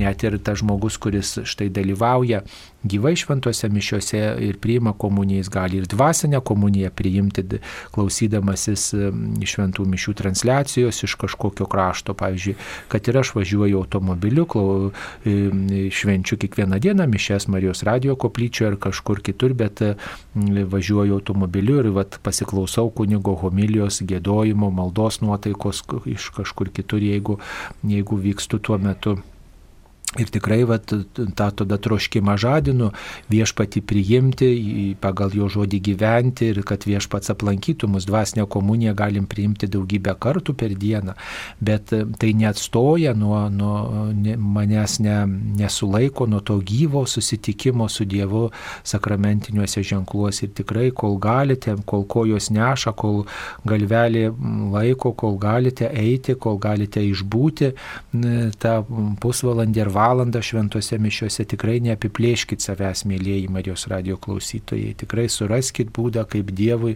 e, Dievui padėkoti, švesdami šventų mišių auką, kaip padėkoti už dovanas, kaip jį pagarbinti, kaip palaikyti kitų žmonių tikėjimą savo dalyvavimu. Jūs savo maldą, savo buvimu, jūs ir kitus žmonės palydite tokiu regimu ženklu. Štai ir kitas matydamas jūsų tikėjimą, jūsų ištikimybę, ramybė, jūsų ištvermė, žinot, irgi gali būti drąsinamas ir tas pats kunigas palaikomas, kunigui irgi daug yra smagiau matyti, kad jo bendruomenė susirenka į šventasias mišes, kad žmonėms rūpi Dievas, o ne tai, kad jie numoja ranką, ai Dievas yra ir jis čia aplankys. Na, nu, kunigė, dar jūs gal ką pridėkite. Nu, tai yra skirtumas, sakysim, jeigu mes galvojame apie santyki, kuris su Dievu, kuris yra meilės santykis. Tad dabar jūs įsivaizduokite, kaip tą meilės santykį, kai palaikai, sakysim, telefonu ir koks jis yra tas meilės santykis, kai veidas į veidą su žmogumi bendrauja. Tai čia yra tas pats šitoj srityje irgi. Ir, ir nepalyginamai daugiau žmogus gauna bendraudamas taip kaip e, priklauso bažnyčioje ir dar plusgi švenčiausias sakramentas. Tai čia palyginti tokį ben, nutolinį bendravimą ir šitą tiesioginį bendravimą tiesiog negalima. Tai yra didžiulis skirtumas. Na ir tai visagi tai veikia mūsų dvasę, veikia mūsų ateitį žemėje ir amžinybėje.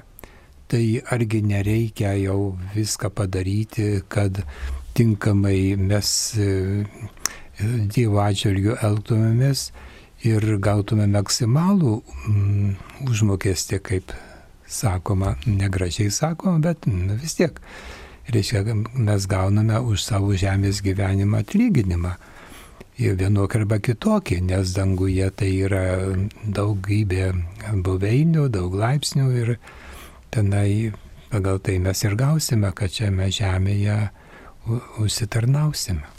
Tai yra dovana, dangus yra dovana, kaip mes tai dovanai pasiruošiam, koks yra mūsų atsakas, ar toks abejingas, ai Dievas yra, ai Dievam užtenka čia, reikia maksimum trokšti, daugiau, daugiau mes turim norėti, matot, meiliai tiesai niekada nebus gana, meiliai visada reikia, ką aš dar galiu daugiau dėl viešpaties padaryti, kaip aš galiu labiau viešpati mylėti, štai ko reikia, kaip aš galiu labiau viešpačiui atsiliepti? Ir mūsų užduotis yra atsiliepti dalyvaujant šventose mišiuose.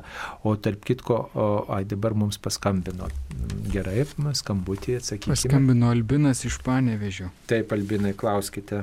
E, tokia e, neordinari situacija. Mišrios santokos e, vaisius, reiškia dabar apie 11 metų vyrukas, Nord tipo, šviesus aukštas lygiais plaukais, mėlynos akis E, tėvas krikščioniškos konfesijos atstovas, motina nekrikščioniškos konfesijos. Ir dabar toks laikas, kad jam grėsia e, bar mitzva, jeigu e, prosaliūdinių išsireiškos apjausimas. Ar galima jį apkrikštyti kaip nors, jinai, reikia motinos sutikimo, kažką tai panašaus. Taip, supratom. Ne, ne, nereikia krikštyti per prievartą. Krikštas priimamas tik tai tada, kai žmogus iš tiesų pats to pageidauja ir, ir pats to pageidauja. Va, krikštas laisvai, ypač suaugęs žmogus laisvai turi pasisakyti. Va, kai mažas vaikas, tai visą atsakomybę už jo ugdymą prisima tėvai ir krikšto tėvai. O suaugęs žmogus jis pats laisvą valią turi priimti krikščionišką tikėjimą.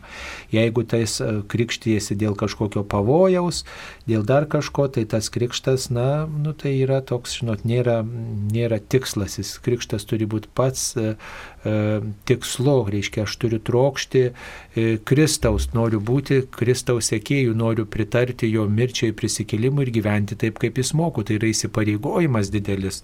Mm. O jeigu žmogus krikštyjasi siekdamas kažkokios naudos arba, arba švengdamas kažkokio pavojaus, tai jo motyvas yra nepakankamas. Ar taip, kunigė? Taip, teisingai.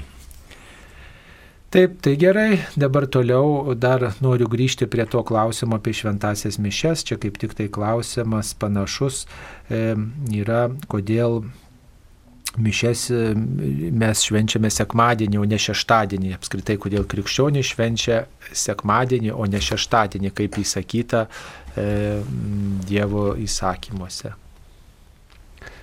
Tai yra senoji sandora ir naujoji sandora naujoji sandora prasidėjo Kristaus kančia ir prisikėlimu. Ir prisikėlimo diena yra sekmadienis. Ir tada šitą dieną tokia šventa, kad apie kokį nors kitokį variantą netgi ir nėra kaip mąstyti, nes, taip sakant, Kristaus eroje, taigi viskas remiasi Kristumi. Ir tas prisikėlimas pasako galutinai šitą klausimą, nors senoje sandoroje buvo švenčiamas šeštadienis pagal anus laikus. Tai čia abejonių tai jokių nėra pagal mane.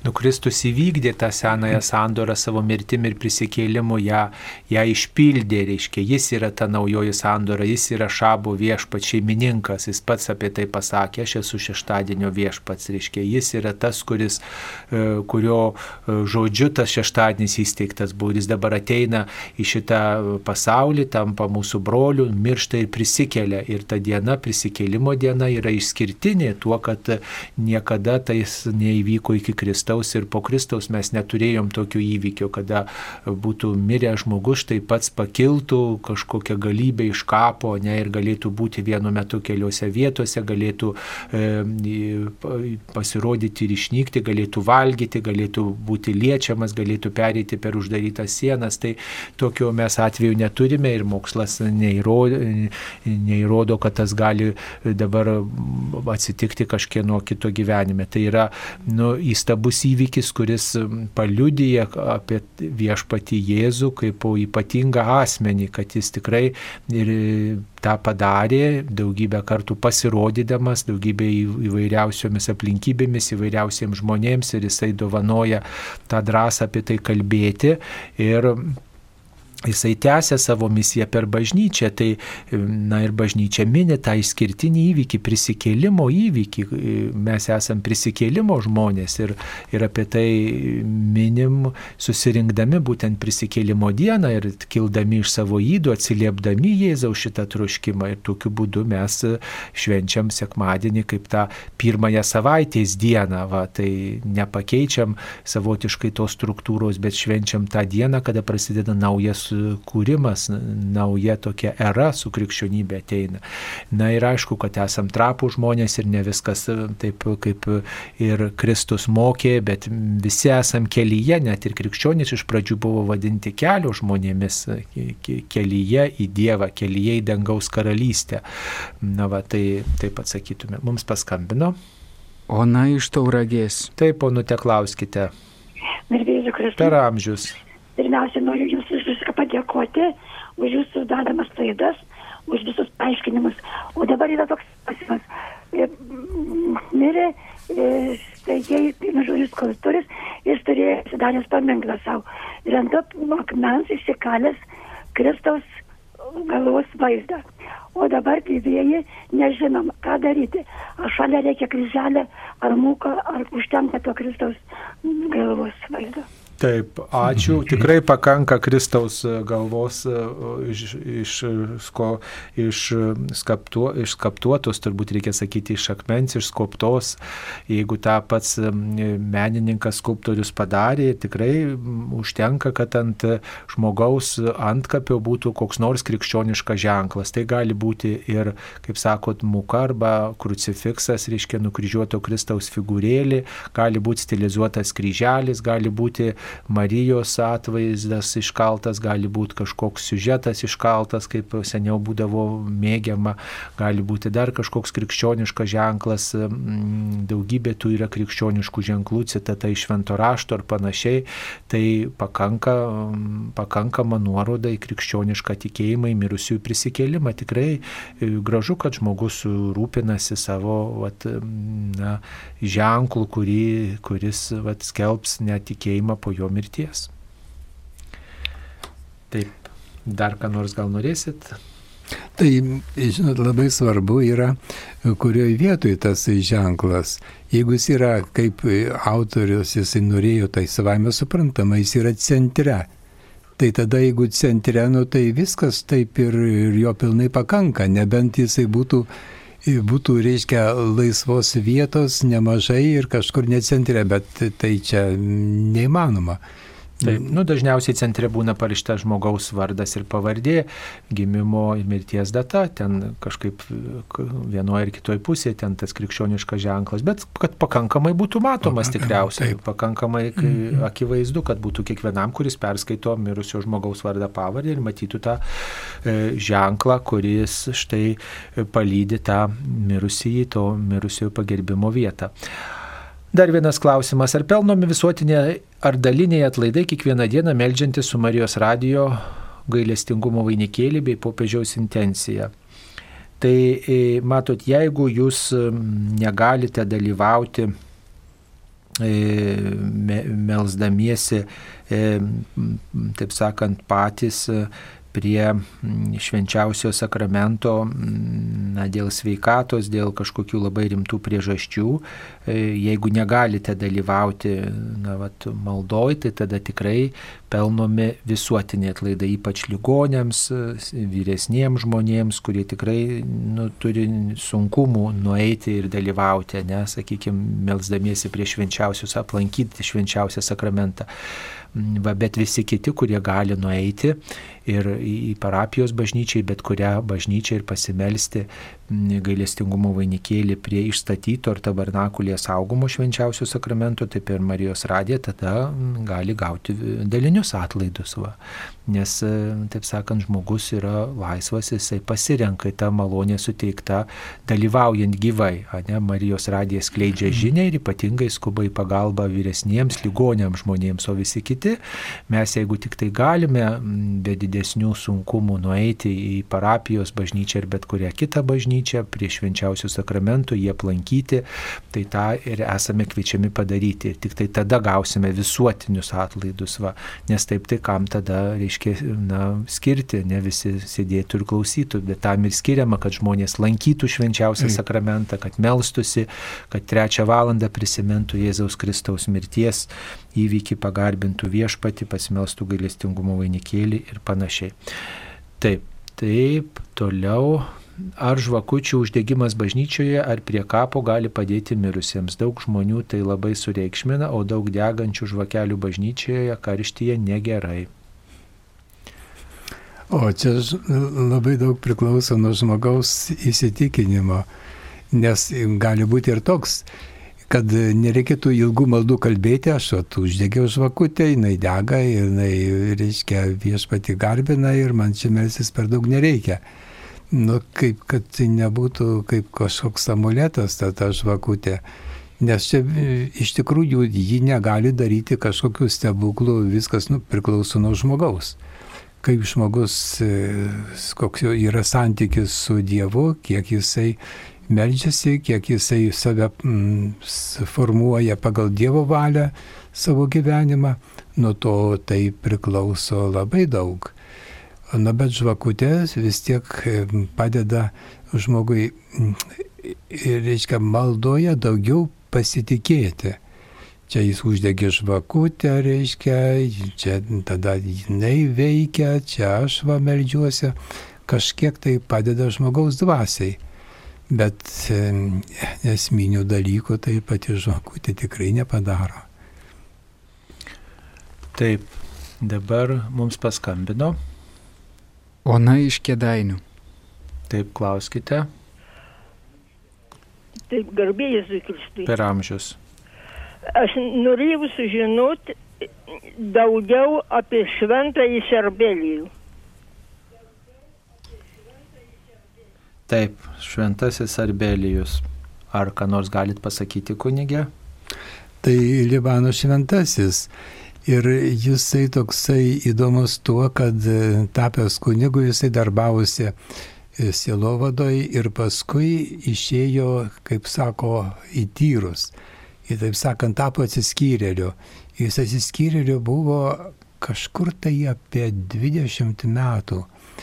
E, na ir taip numerė ir viskas tvarkoja, bet jo nebuvo nei nuotraukos, nei nieko nes visa tai vyko 1800 kelintais ten metais ir tada jisai save priminė per stebuklingai atsiradusią nuotrauką piligrimai. Buvusi reikiavę nusifotografavo ir paskui išryškinus, kai anksčiau buvo tai visi ryškinimai ir tos uh, sudėtingas tas visas uh, gamybos procesas, ir atrado vienuolį viduryje atsistojus ir e, labai gražiai taip susikaupusi ir akis nuleidusi žemyn. Tai kai parodė vienuoliams, sako, taigi Sarbelijos, tai ir taip atsirado ta jo nuotrauka. O gal tenais yra daugiau medžiagos, kur Na, tai čia jisai yra iš 19, iš 19 amžiaus vidurio, Liepos 24 minimas. Ir daugiau rytų šventasis. Ir ir kaip tas, kuris be galo uoliai melzdavosi prie švenčiausio sakramento ir tas, kuris laikėsi griežto pasninko ir miręs 1898 metais. Ir jo kapas Libane yra e, piligrimystės vieta, o kanonizuotas 1977 metais. Taip, dabar dar vienas klausimas. Ką daryti, kai vyras yra priklausomas nuo daiktų, jų be galo daug ir beviltiškai daugina, gaila gyvenimo, kad ne daiktai mums, o mes daiktams tarnaujam.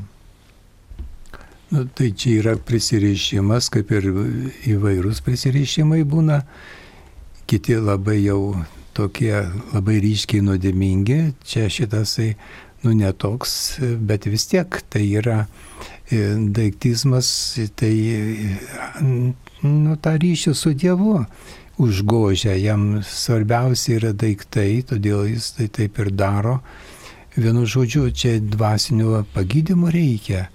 Ir, ir kai būna gydimo mišios, pavyzdžiui, Kaune, e, Vitautiniai, tai tada kartą mėnesyje, antrą pirmadienį, kiekvieną mėnesį, tai dar papildomai meldžiasi patyrę šitie užtarėjai, tai tada šitą galima pada, nu, gauti, o šiaip tai reikalinga, kad kas nors iš artimųjų labai labai daug melstusi, nes čia be Dievo pagalbos tokios priklausomybės sunku atsisakyti.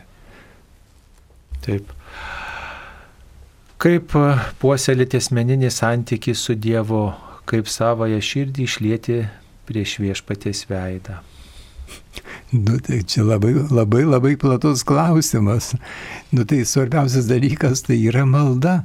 Malda tai yra mūsų santykis su Dievu. Tai čia yra tas vadinamas meilės santykis. Ir jis yra pilnas kūrybos. Čia galima labai labai gyvariai melstis. Galima e, skaityti ir medituoti religinės knygas. Pirmiausia, žinoma, šventą raštą. Nu ir mums labai padeda e, žiniasklaida. Yra tokia, toksai e, per internetą. Kasdien apmastau.lt. Kasdien apmastau.lt. Tai dienos skaitinys, e, tai yra Evangelija dienos, yra trupučiuką komentuojama ir padedama įeiti į mastomąją maldą. Kodėl kalbu taip jau iš karto apie mastomąją maldą? Todėl, kad mastomoji malda yra suaugusio žmogaus malda. Lūpų malda skaitoma tai yra vaiko malda. Na ir, e, reiškia, suaugusiam reikia, kad e, veiktų protas kūrybiškai, tada tam ta malda ir tas santykis su Dievu, jis tampa gyvas ir lengvas ir paprastas. Nu tai pradžiai pasiūlyčiau šitai daryti. Arba yra Magnifikat leidinėlis, kur yra dienos psalmis, maldos ir ten yra taip pat e, trumpa meditacija. E, na, žinoma, tiek yra daug visokių dalykų, kad aš čia nebežinau nei, nei ką pasiūlyti. Na, svarbiausiai turbūt, kad tą vidinį gyvenimą nuolat kurstytume, nuolat stengtumėmės ne tik tai melstis, bet ir domėtis kitais maldos būdais. Ir kuo įvairesnės mūsų maldos praktikos bus, tuo mūsų tas dvasinis gyvenimas turės galimybę gilėti aišku, labai svarbus reguliarumas toksai, dienotvarkė tokia, susidaryti, reiškia, planą, savo maldos planą, savo dvasinio skaitimo planą, pasirinkti tokią vat, kryptį. Toliau labai padeda apmąstymas savo gyvenimo, savo išpažinčių apmąstymas, kokią mes e, matom savo dvasinio gyvenimo eigą, kaip mes vengiam vienos ar kitos įdos ir kokią darybę užsibrėžėme ugdyti savį, kiek, kitais, kiek tam skiriame dėmesio.